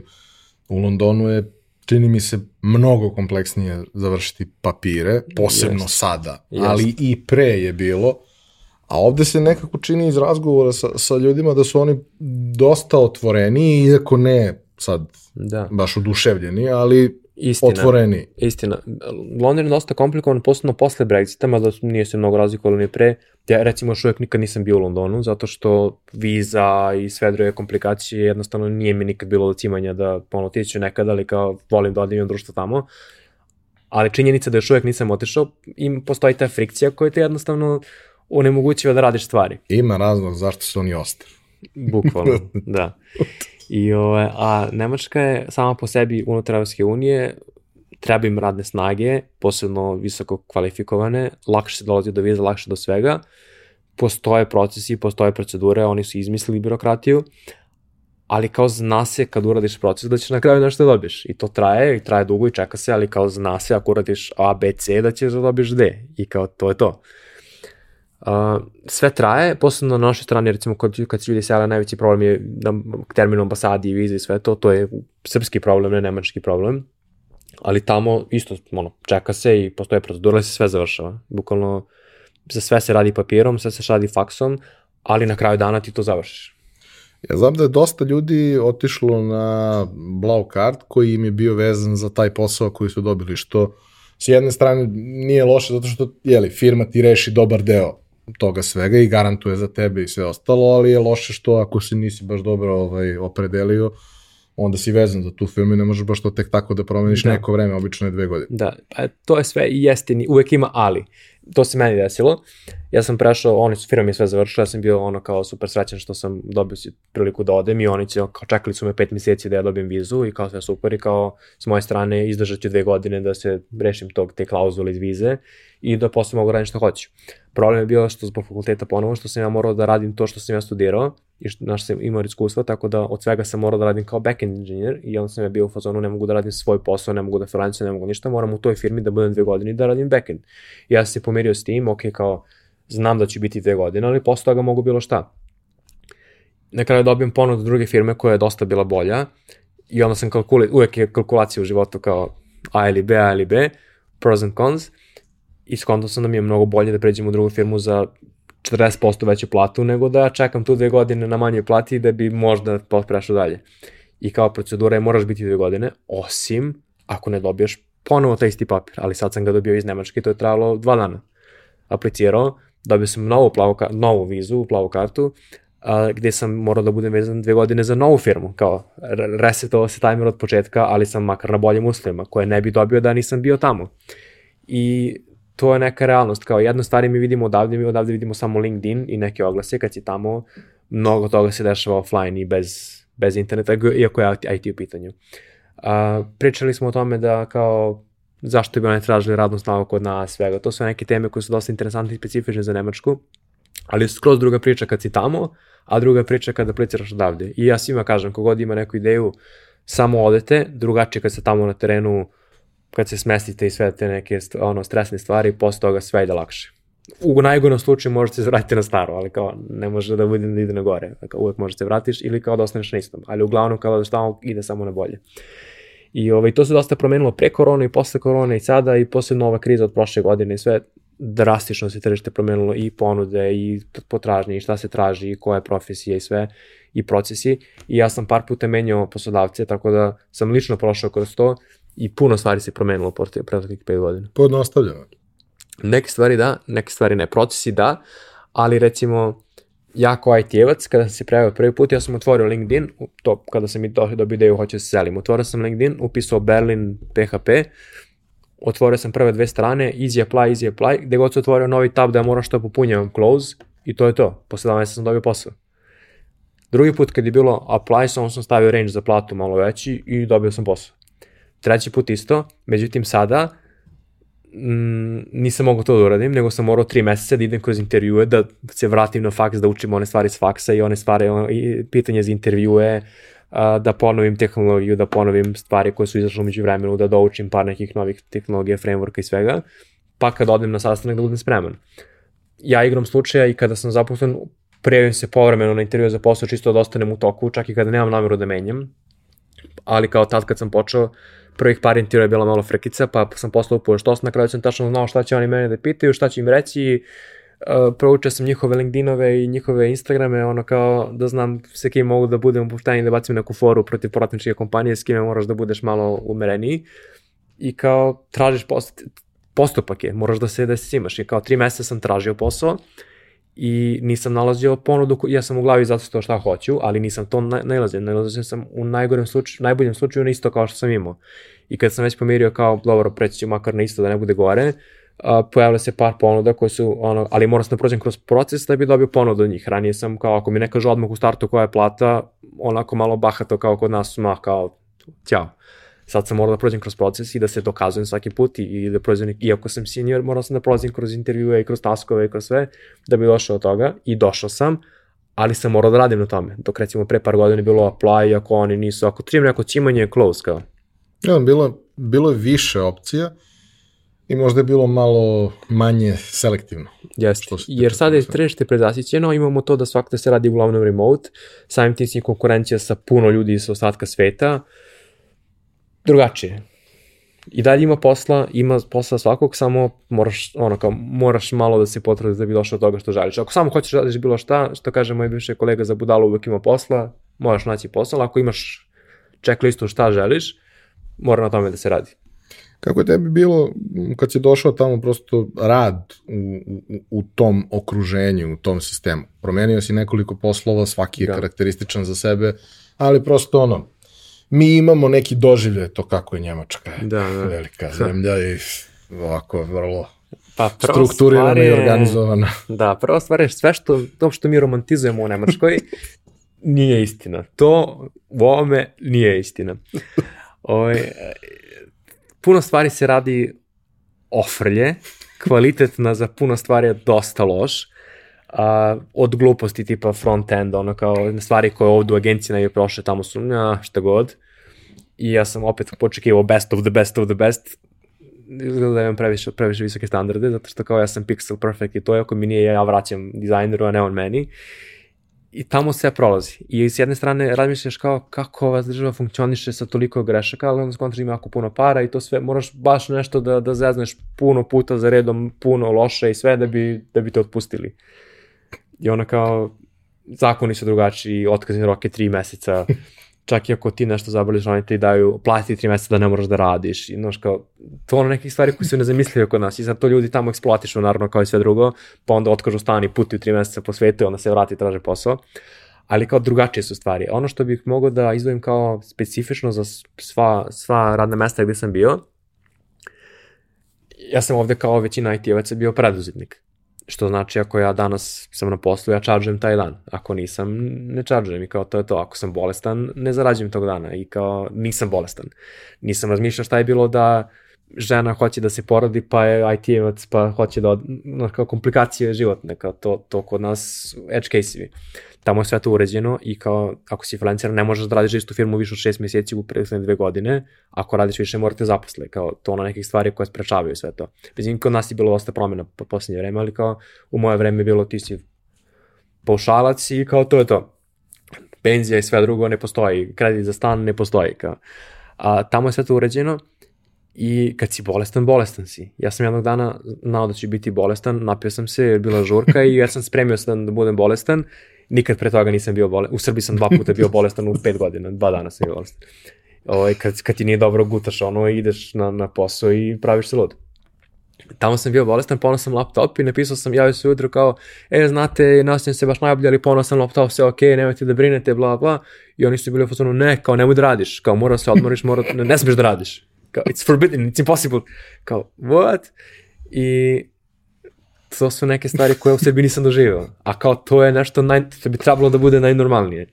A s druge strane, kada sam dobio posao u, na, u pasošu, imao sam nalepnicu gde piše mogu da radim 40 sati nedeljno i kao to je to, ne smeš da radiš više. Ja sam bio, ovde sam radio u jednoj firmi pa sam freelancovao pored toga ili sam predavao na faksu pa sam radio i freelancovao i kad dođe vikend radim svoje projekte, tamo je bilo ne smeš da radiš više.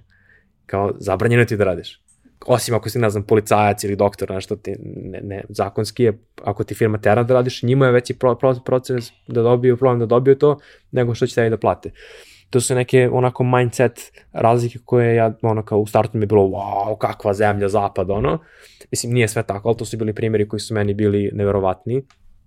I tek smo onda počeli da ulazimo u to šta je zapravo kultura kompanije. Kod nas je kultura kompanije, vidiš na reklami da imaju stoni tenis, Jabuke i, i Sony i onda te cede svaki minut da, da izvuku iz tebe jer su te platili već više nego 10 puta prosjek u državi i naravno da hoće da ti iskoriste. I kao kad izgoriš posle dve godine, sam se leči, kao baš nas briga, uzet ćemo drugog. Tamo ipak kao velike, teško je naći do programere, mislim generalno inženjere bilo koje vrste, spremni su da čekaju i po x meseci iz druge države, osim ako im nešto treba za odmah, ako treba za odmah, onda spremni to i da plate, ako si već tamo ne moraju da čekaju vizu, ali drugačiji su, i to se osjeti. I sad kad pričamo o kulturi, to su tamo neke stvari koje kod nas čitamo u knjigama kao HR, pa oni pokušaju da uvedu neke KPI-eve, bla, bla, i to ništa, samo radiš nešto bez veze, nikakvu, nikakvu svrhu na kraju nema, niti se to vidi neka razlika, tamo se to radi iz više, više uglova. I ovo je recimo primjer samo, radio sam u Dr. Etkeru i mi smo jednom nedelju imali neka predavanja koja su kao opciona, ali su predavanja u smislu na primjer, mm, kako se kaže kod nas, sad sam postao, postao sam taj čovek, joj kako se kaže. uh, Kaže na američkom, Unconscious bias. Dobro. I sad kao ti kad znaš da imaš, Nesvesna pristrast. kad znaš da si pristrasan i nepristrasan prema nečemu, ne znam, prema drugim ljudima drugih religija ili država, to je kao ok, ali kad ne znaš, to je problematično i postoji testovi kako da, sko- jer kao svi smo mi biased uh, za neke stvari, ali kao jako, jako često ni ne znamo. I sad bio je primjer sa ženom koja je direktorka koja kaže ja prva nisam ono kao bias za žene na poslu, sve to kao ja sam primjer suprotnog. I koleganica mi je dala kao njen review, ja sam rekla pogledat ću do kraja nedelje, kolega mi je dao review, ja sam rekla evo, evo odmah kao to sređim i onda sam skontala kako sam drugačije pristupila prema njima dvoje, samo zato što je muškarac. I kao uhvatila sebe u tome, ali kao postoje puno testova kojeg možeš da uradiš sam sebi, opet postaviš pitanje odgovora, dođeš do toga, kao to su neke, opšte firma se ne bavi time, IT firma je, ono, ali imamo takve stvari na poslu. I meni je to bilo fascinantno, ja volim to i sociologiju i filozofiju i sve te, te stvari, tako da me, meni je bilo jako interesantno da pored posla te neke druge komponente života i karijere se uključuju u sam posao. Nije kao da te forsiraju, ali kao imaš mogućnost. Ja kao, kao što dobro znamo, volim po svim tim događajima da idem i ja sam sve to o, išao i jako puno je bilo korisnih stvari. I to je sve deo jednog kolektiva radnog mesta što u Srbiji ne postoji. Mislim, ja bar nisam doživao, ra- radi se ovde puno firmi, ali ovde kao radi se kad se radi, kad se ono kao play hard, party harder i kao to je to. Tamo je opet sve umerenije i postoji ipak taj life-work balance, opet ne važi za sve industrije i za sve ako radi, da radi na građevini, naravno da neće to ništa od toga da doživi, ali u većini firmi i kao kad, kad kažemo kod nas IT-evac, kao ti si ovde, pa doktor je manje platu od tebe, pa profesor, što je besmisleno, pa kao od, drugi ljudi, tamo su manje više svi tu negde. Kao ako radiš u autoindustriji, nemaš manju platu nego programeri, šta god da radiš. Ako si na univerzitetu, počna plati je veća od programerske, manje napreduješ, ali kao sve ima svoj smisao, svoj, svoje pozicije u, u sistemu. I kao kasirka na, u Lidlu ima 2400 eura platu, što kao nije neka plata, ali ni mala plata, kao ja sam imao toliko kad sam prešao, što je manje nego što sam imao u Srbiji pre nego što se preselio sa manjim standardom. I skroz drugačiji, doželj, drugačiji sistem vrednosti, drugačije sve. A, ono, van nastavne aktivnosti, Clubbing. pa ne samo clubbing, nego prosto taj moment, recimo, da je vrlo čest primjer kada sam pričao sa, sa ljudima u Americi, naravno zavisi od dela Amerike i sve ostalo, ali da osim uh, San Francisco, koji jeste jedna takođe komuna, Da. da u većini ostalih delova ne postoji taj običaj da se posle posla ode na pivo. Da se posle Mhm. posla, da ono, imaš prijatelje sa posla koji su stvarno prijatelji, pa ideš i sedite i ne pričate o poslu. Da. Pa zavisi od, firme, od tima do tima, od firme do firme. Imao sam situacije gde posle posla odemo na pivo svi zajedno i družimo se. Imao sam ono situacije gde posle posla ne poznajemo se kao tu smo super, ali kao ne idemo na rođendan neko na neko drugih. Imam kolege sa bivših posla koji dan danas zovem na rođendan, imam kolege sa sadašnjeg posla koje verovatno nikad neće postati na rođendan. Tako da zavisi sve indi- individualno, ali generalno je slično kao u BG-u. To mi se sviđa kao dešava se svašta posle posla, no, većina ko nema porodice, tako to kao za Blay zajedno i sve. I još jedna stvar, uh, to je sad počelo i kod nas da bude aktualno svakog vikenda se ide na neku prirodu, nešto se dešava i men, to je meni bilo fascinantno. Tamo svakog četvrtka me Nemci pitaju kao any plans for a weekend, kao šta si planirao ovog vikenda. Ja sam fazonu kao evo te što si toki Nemac, idi napise što mora sve da isplaniraš svaki trenutak, ali onda sam skontao da zapravo oni putuju svakog vikenda, jer pored svega toga što je Berlin hub, on je hub za avioletove u Evropi, kao za van evropske je, ne znam, Frankfurt, Minhen, ali kao, da. da, ali iz, po Evropi, sad je malo gore posle korone, ali generalno vraća se, iz Berlina imaš za 20 evra kartu do, do Milana, do, do, do Soluna, do, do, do Portugala malo više, ali do, do Kopenhagena 20 evra karta. I kao leti petak posle posla, vrati se nedelja uveče. I oni su svakog vikenda negde, i negde putuju, negde idu ili hajkuju, ili po šumi, ili voze bajse. Plus kad živiš u takvoj zemlji, tebi Da. taj odlazak nije preskup. jeftinije ti nekad i nego da ostaneš u gradu. Što je ono, nevjerovatno, ali kao ima mogućnosti i svi su jako aktivni. Mislim, kao kod nas kad kažemo ono kao life expectancy i kao koliko si, kad si do penzije i sve to, kad kažeš neko ima 70 godina, kao ovo, ovo živo je on. Tamo babu u ulici ima 90 godina, svakog dana pričamo kad šetamo kućiće pa se sretnemo. Mislim, pričamo nešto svoje, ja samo klimam glavom i kao ja, ja, genau. Ali kao, živakni su ljudi, mi 100 godina idu, voze bajs, voze kola, znaš, kao, drugačiji, drugačiji doželji, svi su svakako aktivni i imaju, bar u Berlinu, imaju život posle posle, baš zbog toga se ono fokusira da, i posle na to što vikendom ne radi ništa, to s nedeljom ništa ne radi, poenta je da nama to zvuči nevratno, ja sam ovde na ovom Beogradu imao u krugu 200 metara brzu hranu, dva supermarketa, apoteku, auto trafiku koja radi 24 sata. sata. Sve radi 24 sata, 24 sata. Autodelove koje radi 24 sata. Znači kao šta god ti padne na pamet. Tamo nemaš, ono kao što što Berlin radi do duže, ima kao špetije koje radi do duže, to je ne postoje ostatko Nemačke. Ni to nije 24 sata uglavnom. Nedeljom ne radi ništa i mene to smetalo u startu jer kao ne radi ništa, ništa nisam kupio i jedem kebab kod Turčina prvih šest meseci, ali onda skontaš taj dan služi da se skuliraš, da provedeš sa prijateljima, sa porodicom, na kampovanju, na jezeru, na, ima 3000 jezera, pa kao možeš što god hoćeš, i nekako upadneš u taj štos i ima smisla na kraju dana, kao. Mislim, drugačije kad tamo si provedeš neko vreme pa to proživiš, drugačije kad samo čuješ. Ja kad sam čuo prvi put, bio sam ono, ma jeste, kao šta radi Mislim, svi mi kada putujemo negde, a ne putujemo dovoljno često i ne ostajemo da, dovoljno dugo, da. mi kada odemo, mi gledamo da što više doživimo za tih 3-4 da, dana. Da. Potpuno je drugačije kad nemaš pritisak da moraš da obiđeš sve Istina. za ovih 5 dana. Istina. Nego možeš narednih dve godine da obilaziš muzeje, svake dve nedelje po jedan. Da, ja još uvijek nisam obišao, obišao sve muzeje iz razloga što tamo postoji muzej za sve, ono, muzej za currywurst. Molim. Šta? Bio sam u muzeju prasića, by the way, to je kao jako puno prasića, ali na kraju skontaš i umetnička dela sa prasićima, ali na kraju skontaš kako to je jako dobar restoran, na kraju ide ti izgladniš dok to gledaš, pa ti one daju šnicl. Tehnički muzej. Tehnički muzej je ludilo da. i onaj, kako se to zove, Museum of Natural Science. Da. Prirodnjački, prirodnjački. Da. Muzej filma isto fenomenalan, ono u Sony centru, ima stvarno jako puno dobrih. Baš, a, ali znaš kao, a šta je to toliko sjajno? Brate, odeš i vidiš. Da. Znači, ne, ne mogu ti objasniti to. S druge strane, različiti ljudi imaju različite interesovanja, kao nešto je tebi zanimljivo, meni nije i sve. Kao to je okej, okay, ali postoje stvari koje su univerzalne. Ako te bilo šta zanima od tehnike, da. naći ćeš mnogo Bukvalno. toga ovam. Znači Isto... i one radionice gde možeš u realnom vremenu da vidiš kako ljudi rade sa zlatom, sa ovim, sa onim, da. kao možeš da učestvuješ u nekim kao workshopovima i slično, ti gledaš i ništa ti nije jasno. S druge strane, verovatno je samo londonski muzej pokrao više stvari iz sveta nego Belenski, ali kao imaš cijelu Išler kapiju koju su preneli ono kao iz delova još kao piše kao super, kao obeleženo sve kako se sklapio kocke kao Lego, kao da mi kad smo je pribavili 1934. i 38. kao da smo mogli da sklopimo. I kao puno tih stvari možeš da vidiš bez da, u različitim kulturama, bez da skročiš van grada. Tako je. Mislim, kažem, meni je, te, meni je tehnički muzej zaista ono, razvalio me najviše iz razloga što neke stvari koje možeš fragmentarno da sretneš, tamo kad gledaš ono istoriju računarstva, plus njihovu lokalnu, mm. kao nije ko kod nas, se ima par računara koji su se pravili, ne, ne, kao tamo se pravilo svašta, ali ti zaista imaš od svega po jedan primjerak i dokumentarac koji to prati i dosta nekog pisanog štiva i imaš katalog koji možeš da poneseš i sve ostalo, znači da, stvarno... Raj za stvarno, stvarno wow. Ovaj, e sad, E, dotakli smo se toga negde u prethodnom delu razgovora kad si ti počeo da pričaš o tome kako si se ti suštinski profesionalno razvijao od toga da nisi više samo programer, developer, nego si postao product čovek, ovaj, odnosno u nekoj si tranziciji, ali na dobrom putu.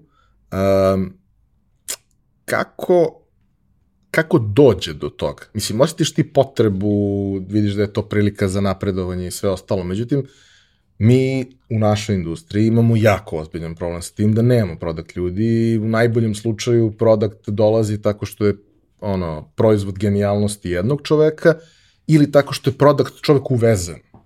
Ali mi ih ne pravimo dovoljno. Uh mhm. -huh. A, kako je tebe usmerilo i, aj neću kažem iznedrilo, ali idemo ka tome, ovaj, to okruženje tamo. Pa kao je većina stvari, okruženje me je primoralo da dođem do tog mesta. Mislim primoralo, ja sam mogao to da ne uradim. Da, stimulisalo. Kod, kod programera generalno postoje neke dve grupacije, jedna, imam kolege s faksa koji su naučili jedno i oni isto, isto rade dan danas. Hate to PHP su probali 5.4 i ono kao kao ja kad sam probao JavaScript pa sam ga hejtovao, među se desilo svašta, pa kad sam probao bilo kao aha, ovo ima smisla. Kao oni su ostali, ostali u jednom i primenjuju isto, istu stvar godinama, jer kao primio platu i to je to. S druge strane imamo ljude koji su stalno ono, gladni novog znanja i stalno uče neke nove stvari, neke gluposti, ali svega toga ostanu te neki koncepti koje primeniš kod sebe. I to isto recimo, vratio se na, na, na temu, kada sam konkurisao za posao, pitali su me na jedno mesto kao koje ti je očekivanje za platu minimalno i maksimalno. I kao nikad nisam čuo za maksimalno, mi smo kao navikli da što više daš, ja ću više da radim, to je cela poenta da više zarađujem. I ja odgovorim onako šaljivo kao minimum toliko, a maksimum is undefined variable, my friend. I pitam posle Nemca kao, koja je fora, o čemu se radi i on kaže, pa znaš, kao više, veća plata, veća odgovornost i veći stres i veće sve, ali ja sa ovom platom i mogu da kupim koli, da odem na more i da lepo živim i kao meni je to okej, okay. ja radim u pet idem kući i ja kao nemam nikakav stres. I mi to nemamo kao koncept. I onda imaš jako puno ljudi koji su zadovoljni svojom pozicijom, ili neki su lenji, neki su samo zadovoljni i ostanu na tome, a imaš ljude koji gledaju jer imaju taj problem u glavi da moraju da budu bolji u nečemu i da gledaju. I ja meni je igrom slučaja to stimulisalo tako što kao vidim da fali jedan delić i onda niko ne vidi taj delić koji fali i onda kao ja, e, a šta je s ovim, skontam i kao to povežem. I posledno kad sam imao svoju firmu pa sam dok ne šipujem krajnji proizvod, nije gotovo kada se svi taskovi urade, ja morao da razumem ceo proces i ovog što je naručio i kao da si stvarno to mislio ili samo to rekao, evo ti prototipa kao pre nego što trošimo vreme na pravljanje, kao ceo ceo proces inženjerski i nekako mi se sve ja pronašao u tome. S jedne strane, ja volim problem solving, volim programiranje i meni dan danas interesantno ono kao raditi sa bitovima u, u 4 kB memorije i sve to, i assembler, a ne ono kao skinem na PM e, primjer Hello World koji je 17 megabita, meni je to besmisleno, ali kao ako klijent to traži, veži konje gde, gde ti gazda kaže, kao to je jedno, ali svoje projekte radim neke druge stvari. I to mi je interesantno i verovatno nikad neću otići iz kodiranja, ali želim i da radim više i tako sam nekako došao prema tom uh, pro, uh, project, product poziciji. U jednom trenutku sam se razmišljao, pošto generalno postoje neke dve grane odakle se developer, gde se developeri razmi, raz, razvijaju. Jedna je kao lead i više tehnička, a druga je više menadžerska. Opet ta menadžerska može biti na više načina. I ja u startu sam bio u fazonu kao pa jedno drugo kao mogu da radim, jedno drugo mi je zanimljivo, nemam predstavu nisam probao. Pa sam kao razmišljao o staff engineer, pa sam kao to radio, pre čak sam se prijavio na jedan posao i tu je chat GTP bio super stvar, zato što sam jedno vreme počeo da koristim za sve. Kao, da, dajem otkaz, daj mi primer otkaznog pisma i on kao da, dear comp manager name, company name, ja kao replace, bla, bla, i to sam pismo poslao kao takvo, bukvalno chat GTP-a, dok sam počeo čak i da apliciram za posao, pošto već kao morao sam da se bavim to, mi posle 3 meseca se malo smorio, a nije više kao apply, apply. Ja sam kopirao tekstove iz ona job descriptiona u chat GTP i kao ajde daj mi šta da pošaljem njima. I prepravim ga naravno ja sa nekim svojim ono final touch, ali kao krenuo sam da koristim chat GTP za te neke manualne glupe stvari i dobio sam poziciju za, za staff engineer i kao ja kažem liku, nikad to nisam radio, ali mi zvuči interesantno, imam iskustvo u tome, ali nikad mi to nije bio glavni posao, samo sam to morao da radim. I kao, da li postoji nešto, otišao na chat GPT, kao šta, šta ta e, a, pozicija podrazumeva, kao, dobio 10 stvari, pitam me neko, postoji nešto svim tih 10 očiglednih stvari da kao nije tu, kao na primjer, ne znam, budžetiranje, reporti, koliko tu ima Excela, koliko ima svega. I kao, to bi me vjerojatno smorilo. Mogu da ga radim, ali nisam srećan. Ako već imam mogućnost da biram da sam i srećan i volim, kao pre bi to radio nego drugo. I to mi isto je bilo interesantno, ali sam nekako na kraju opet probao jedno, probao drugo i završio više ka, ka produkt. Jer tu opet nešto što mene ispunjuje više, kao moj mozak tako funkcioniše, kao vidim šta je šta treba da se uradi i idem ka tome. Probiješ. Da. E, pet godina si u Berlinu. Šta se promenilo za ovih pet godina, osim činjenice da smo imali tih e, nedefinisani vremenski period korone? Šta se promenilo u Srbiji ili generalno? Ne, šta se promenilo u Berlinu, kako, kako je Aha. tamo da. teklo stvar? Pa tamo se nije mnogo stvari promenilo ranije su bile veće gužve u gradu, bilo više turista, još uvek nije možda na tom nivou kao što je bilo. U covidu je sve bilo mrtvo, sve te prednosti Berlina su nestale, znači imaš kao građevini sve to, ali se psem toga grad je mrtav. I kao sve to što je bilo dobro u Berlinu, ti događaji i eventovi, sve to nestalo. Igrom slučaja mogli smo da radimo remote, pa smo to kompenzovali tako što smo putovali i sve. Sad se polako vraća, tako da vraća se na staro nije se pogoršalo, nije se poboljšalo, manje se gužva, ali vraća se na staro, otprilike je to to. Stvar koja se drastično promenila je taj rad od kuće, koji nije više samo za programere, nego za dobar deo kompanije, ali to samo to sad znači da cijela kompanija kultura i procesi te treba da prate, pošto jedno je kao remote friendly, a drugo je kad je kompanija remote. U jednoj kompaniji smo imali kao sastanke, pa kada je neko remote, on se nakači na remote, mi sedimo u sali pričamo, I onda nekad ja sam taj koji je remote, oni zaborave da se uključe i oni čekam pola sata da počne sastanak, oni pričaju i ja kad ih cine, oni kao, a, zaboravili smo, izvini. A imamo kompanije gde jedan je vani i svi sedimo u, u firmi i svi držimo slušalice i ako smo jedno pored drugog kao retardi smo u chatu jedan s drugim, što je kao druga krajnost. Ali kao jedna remote friendly kompanija, remote enabled, a drugo je remote native.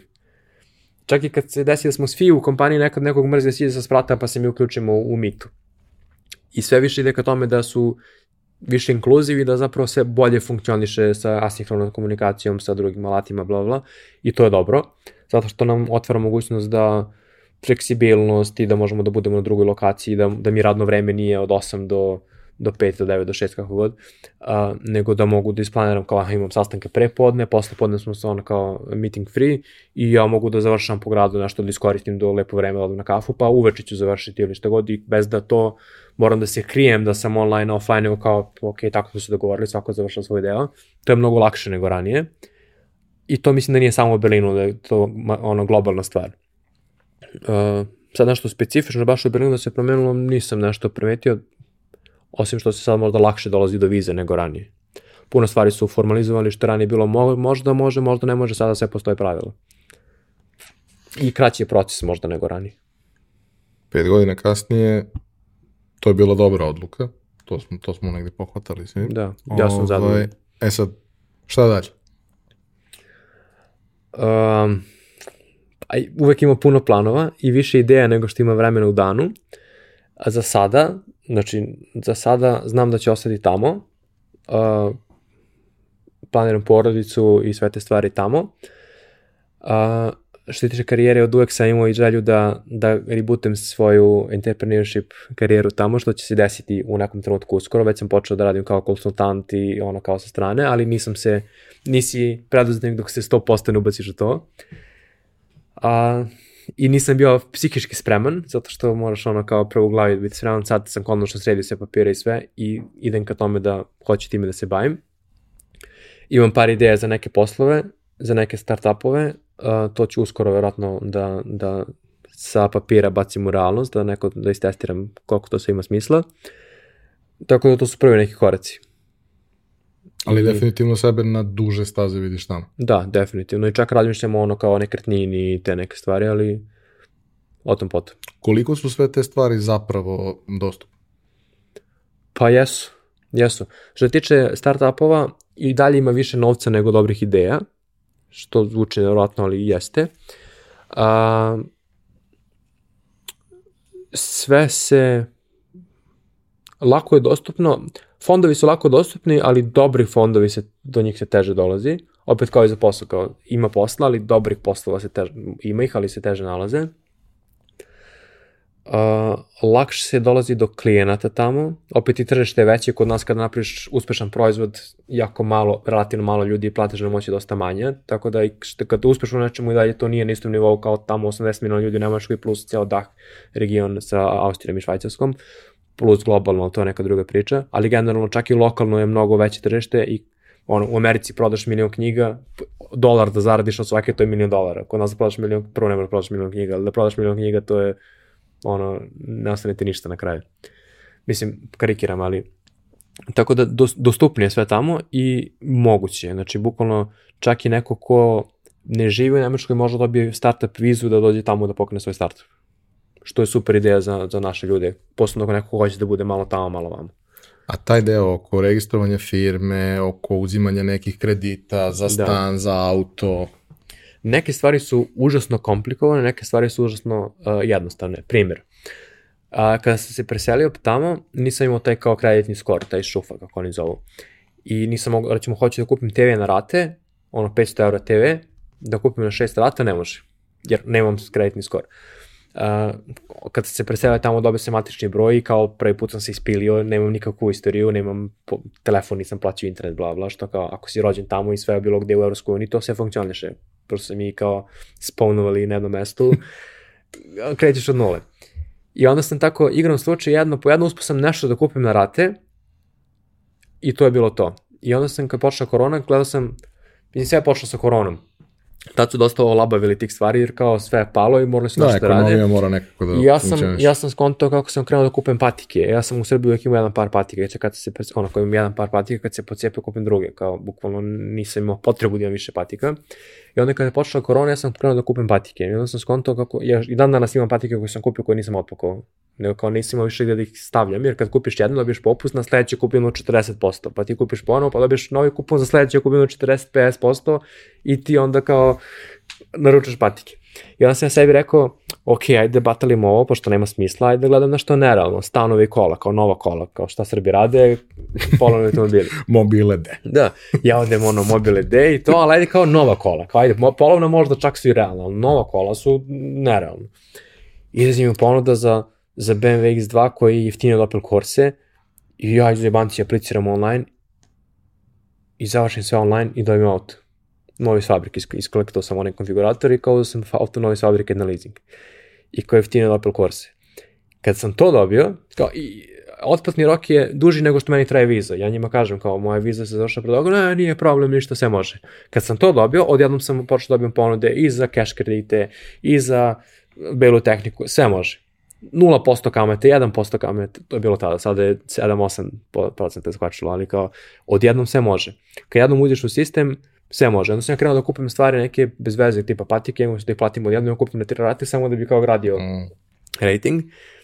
I pošto sam imao firmu i bio sam preduzetnik u Srbiji, trebao sam da platim porez za ovde i bila malo veća svota novca, ja digao tamo cash kredit da to podmirim, ja pitam kao mogu tim parama da platim kredit, da platim tamo porezkoj, kao može i to sve završio bez problema, i kakvih sve, sve online. Tako da te stvari mogu i bez problema, jednom dok se uđe u sistem malo komplikovanije, ali jednom kad se uđe u sistem sve može i većina stvari može online, čak i bez nemačkog. A, za stan je malo komplikovanije, Uh, iz više razloga. Prvi je, mnogo, je bolj, mnogo su bolji uslovi kojima neograničeno boravište ili državljanstvo i to, ali kao generalno može. Još uvijek nisam zašao skroz u, u dubinu problema, ali sam pričao sa nekim konsultantima za to i oni su mi rekli kao najbolje sačekaj još godinu, dve da dobiješ kao trajno boravište, pa onda su ti mnogo bolji uslovi. Tako da sve to može i postoji procedura i imaš on online kalkulator za sve i kao to što vidiš to je. A što se tiče rente stanova, kakva je tu situacija, pošto čuo Da. sam da je problematično. Pa skupo je, mislim skupo je nama, kad dođu Amerikanci ili kad dođu, ne znam, iz Londona, oni kažu pa nije skupo, ono, mislim njima opet zavisi ko kako gleda. Nama je skupo, Nemcima je skupo, ako je Nemcima skupo, automatski je nama skupo, ali nije to glavni problem, glavni problem je što se, ne može se nađe stan, znači bukvalno je ono, ali ne karikiram, znači ja sam imao listu, viš listu kao šta hoću idealni stan da ima, na kraju sam tražio bilo kakav stan, bilo kakav. I van cenovnog ono, range i sve, i jedva sam našao. I to, to nije samo ja, svi tako. Znači, ko, uglavnom su stanovi ako znaš da neko izlazi, pa ti uđeš mesto njega i te kombine. Ja sam mislio da se u Beogradu teško nalazi stan. U Beogradu samo platiš i nađeš stan. Tamo ne postoje, ja sam stavio kao 500 evra za nekog ko zna nekog ko mi daje, ko izlazi iz stana, dam mu na ruke ili kao platio bi agenciji 1000 evra, ne, nema.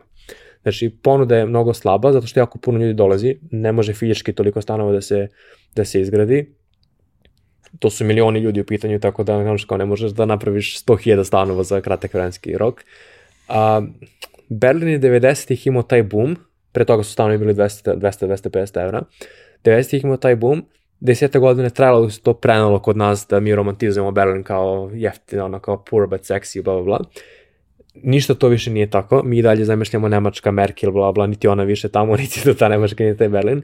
Sve kasni, uh, deseta godina, ono, vesti, lifestyle sve to.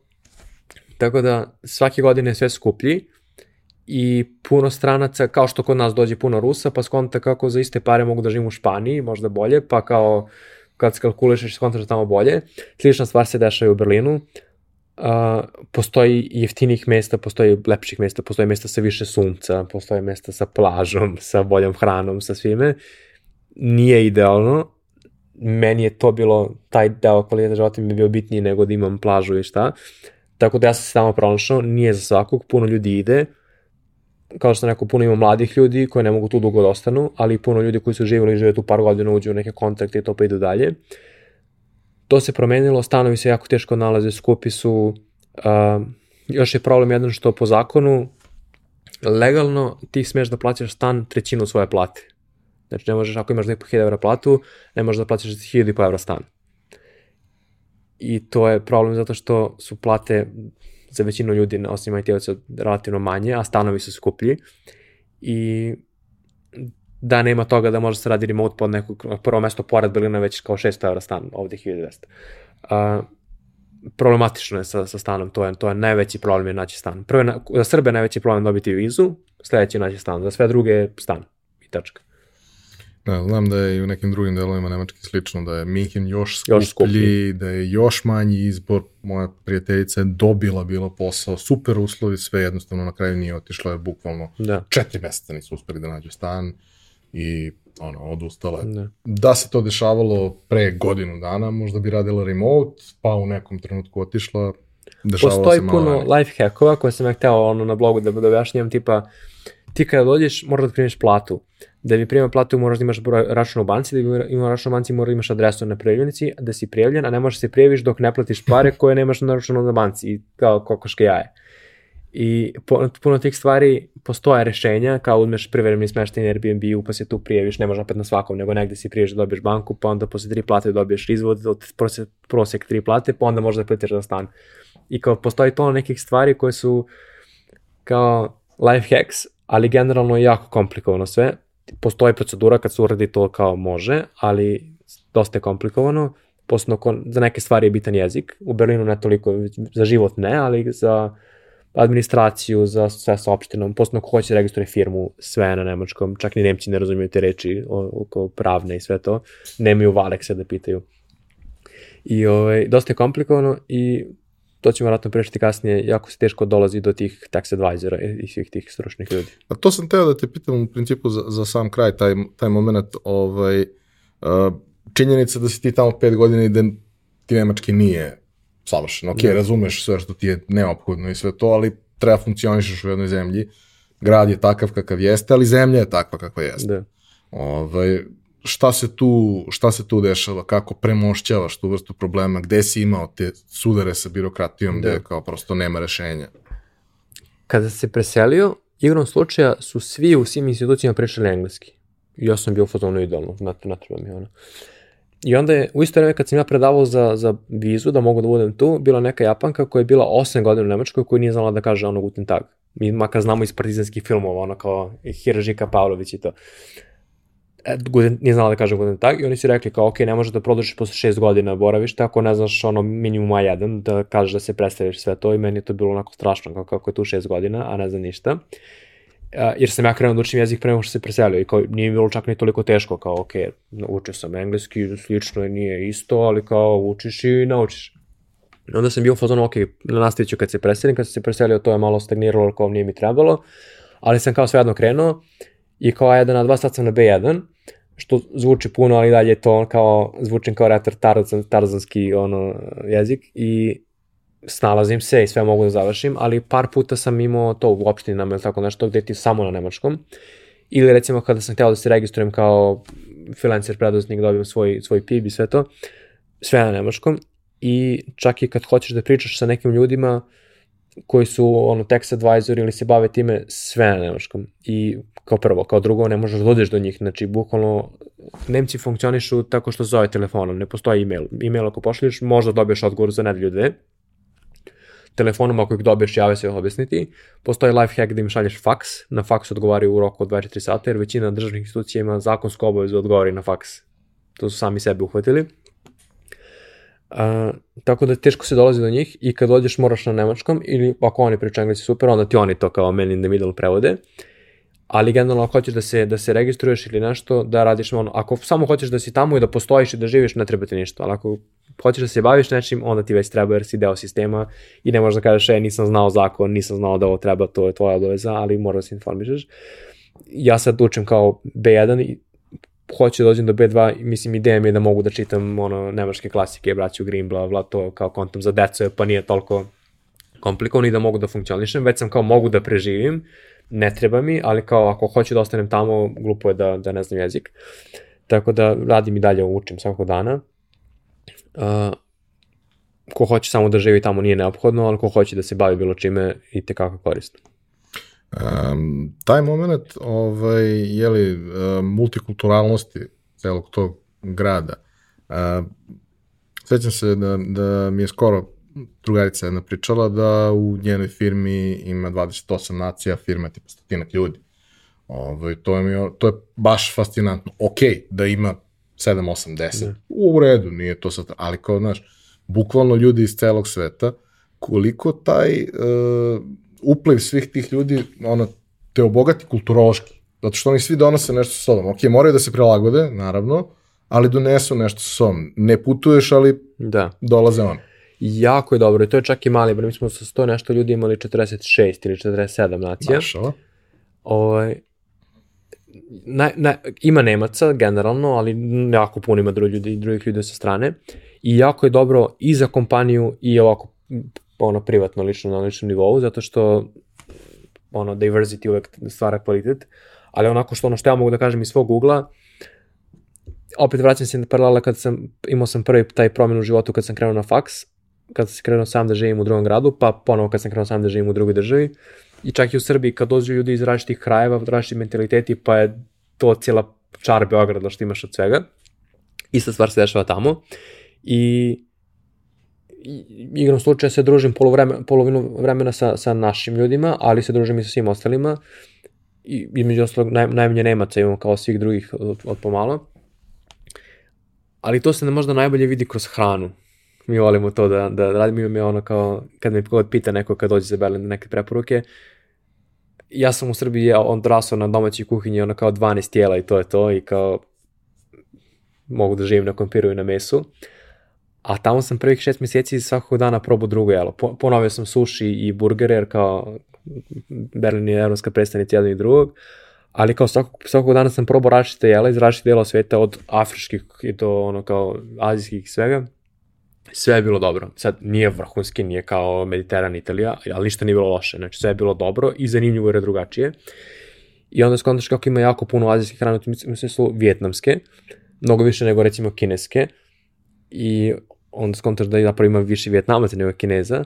I to nekako uvek hrana i prodavnice to preslikava community od ljudi koji tu žive i šta su oni doneli i samim tim mani, to je manifestacija svega što se desi. Onda kao nekako uvek na, uz tu klopu pričaš s ljudima pa dolaziš razmenjaš ideje i, i jako je bilo korisno. Mislim, meni lično to je jedna od naj, naj, najpozitivnijih stvari, taj fusion svega toga. Blago prilagođeno, e, evropizovano. Ono, lupam, indijska hrana nije toliko spicy sve to, ali je zanimljiva.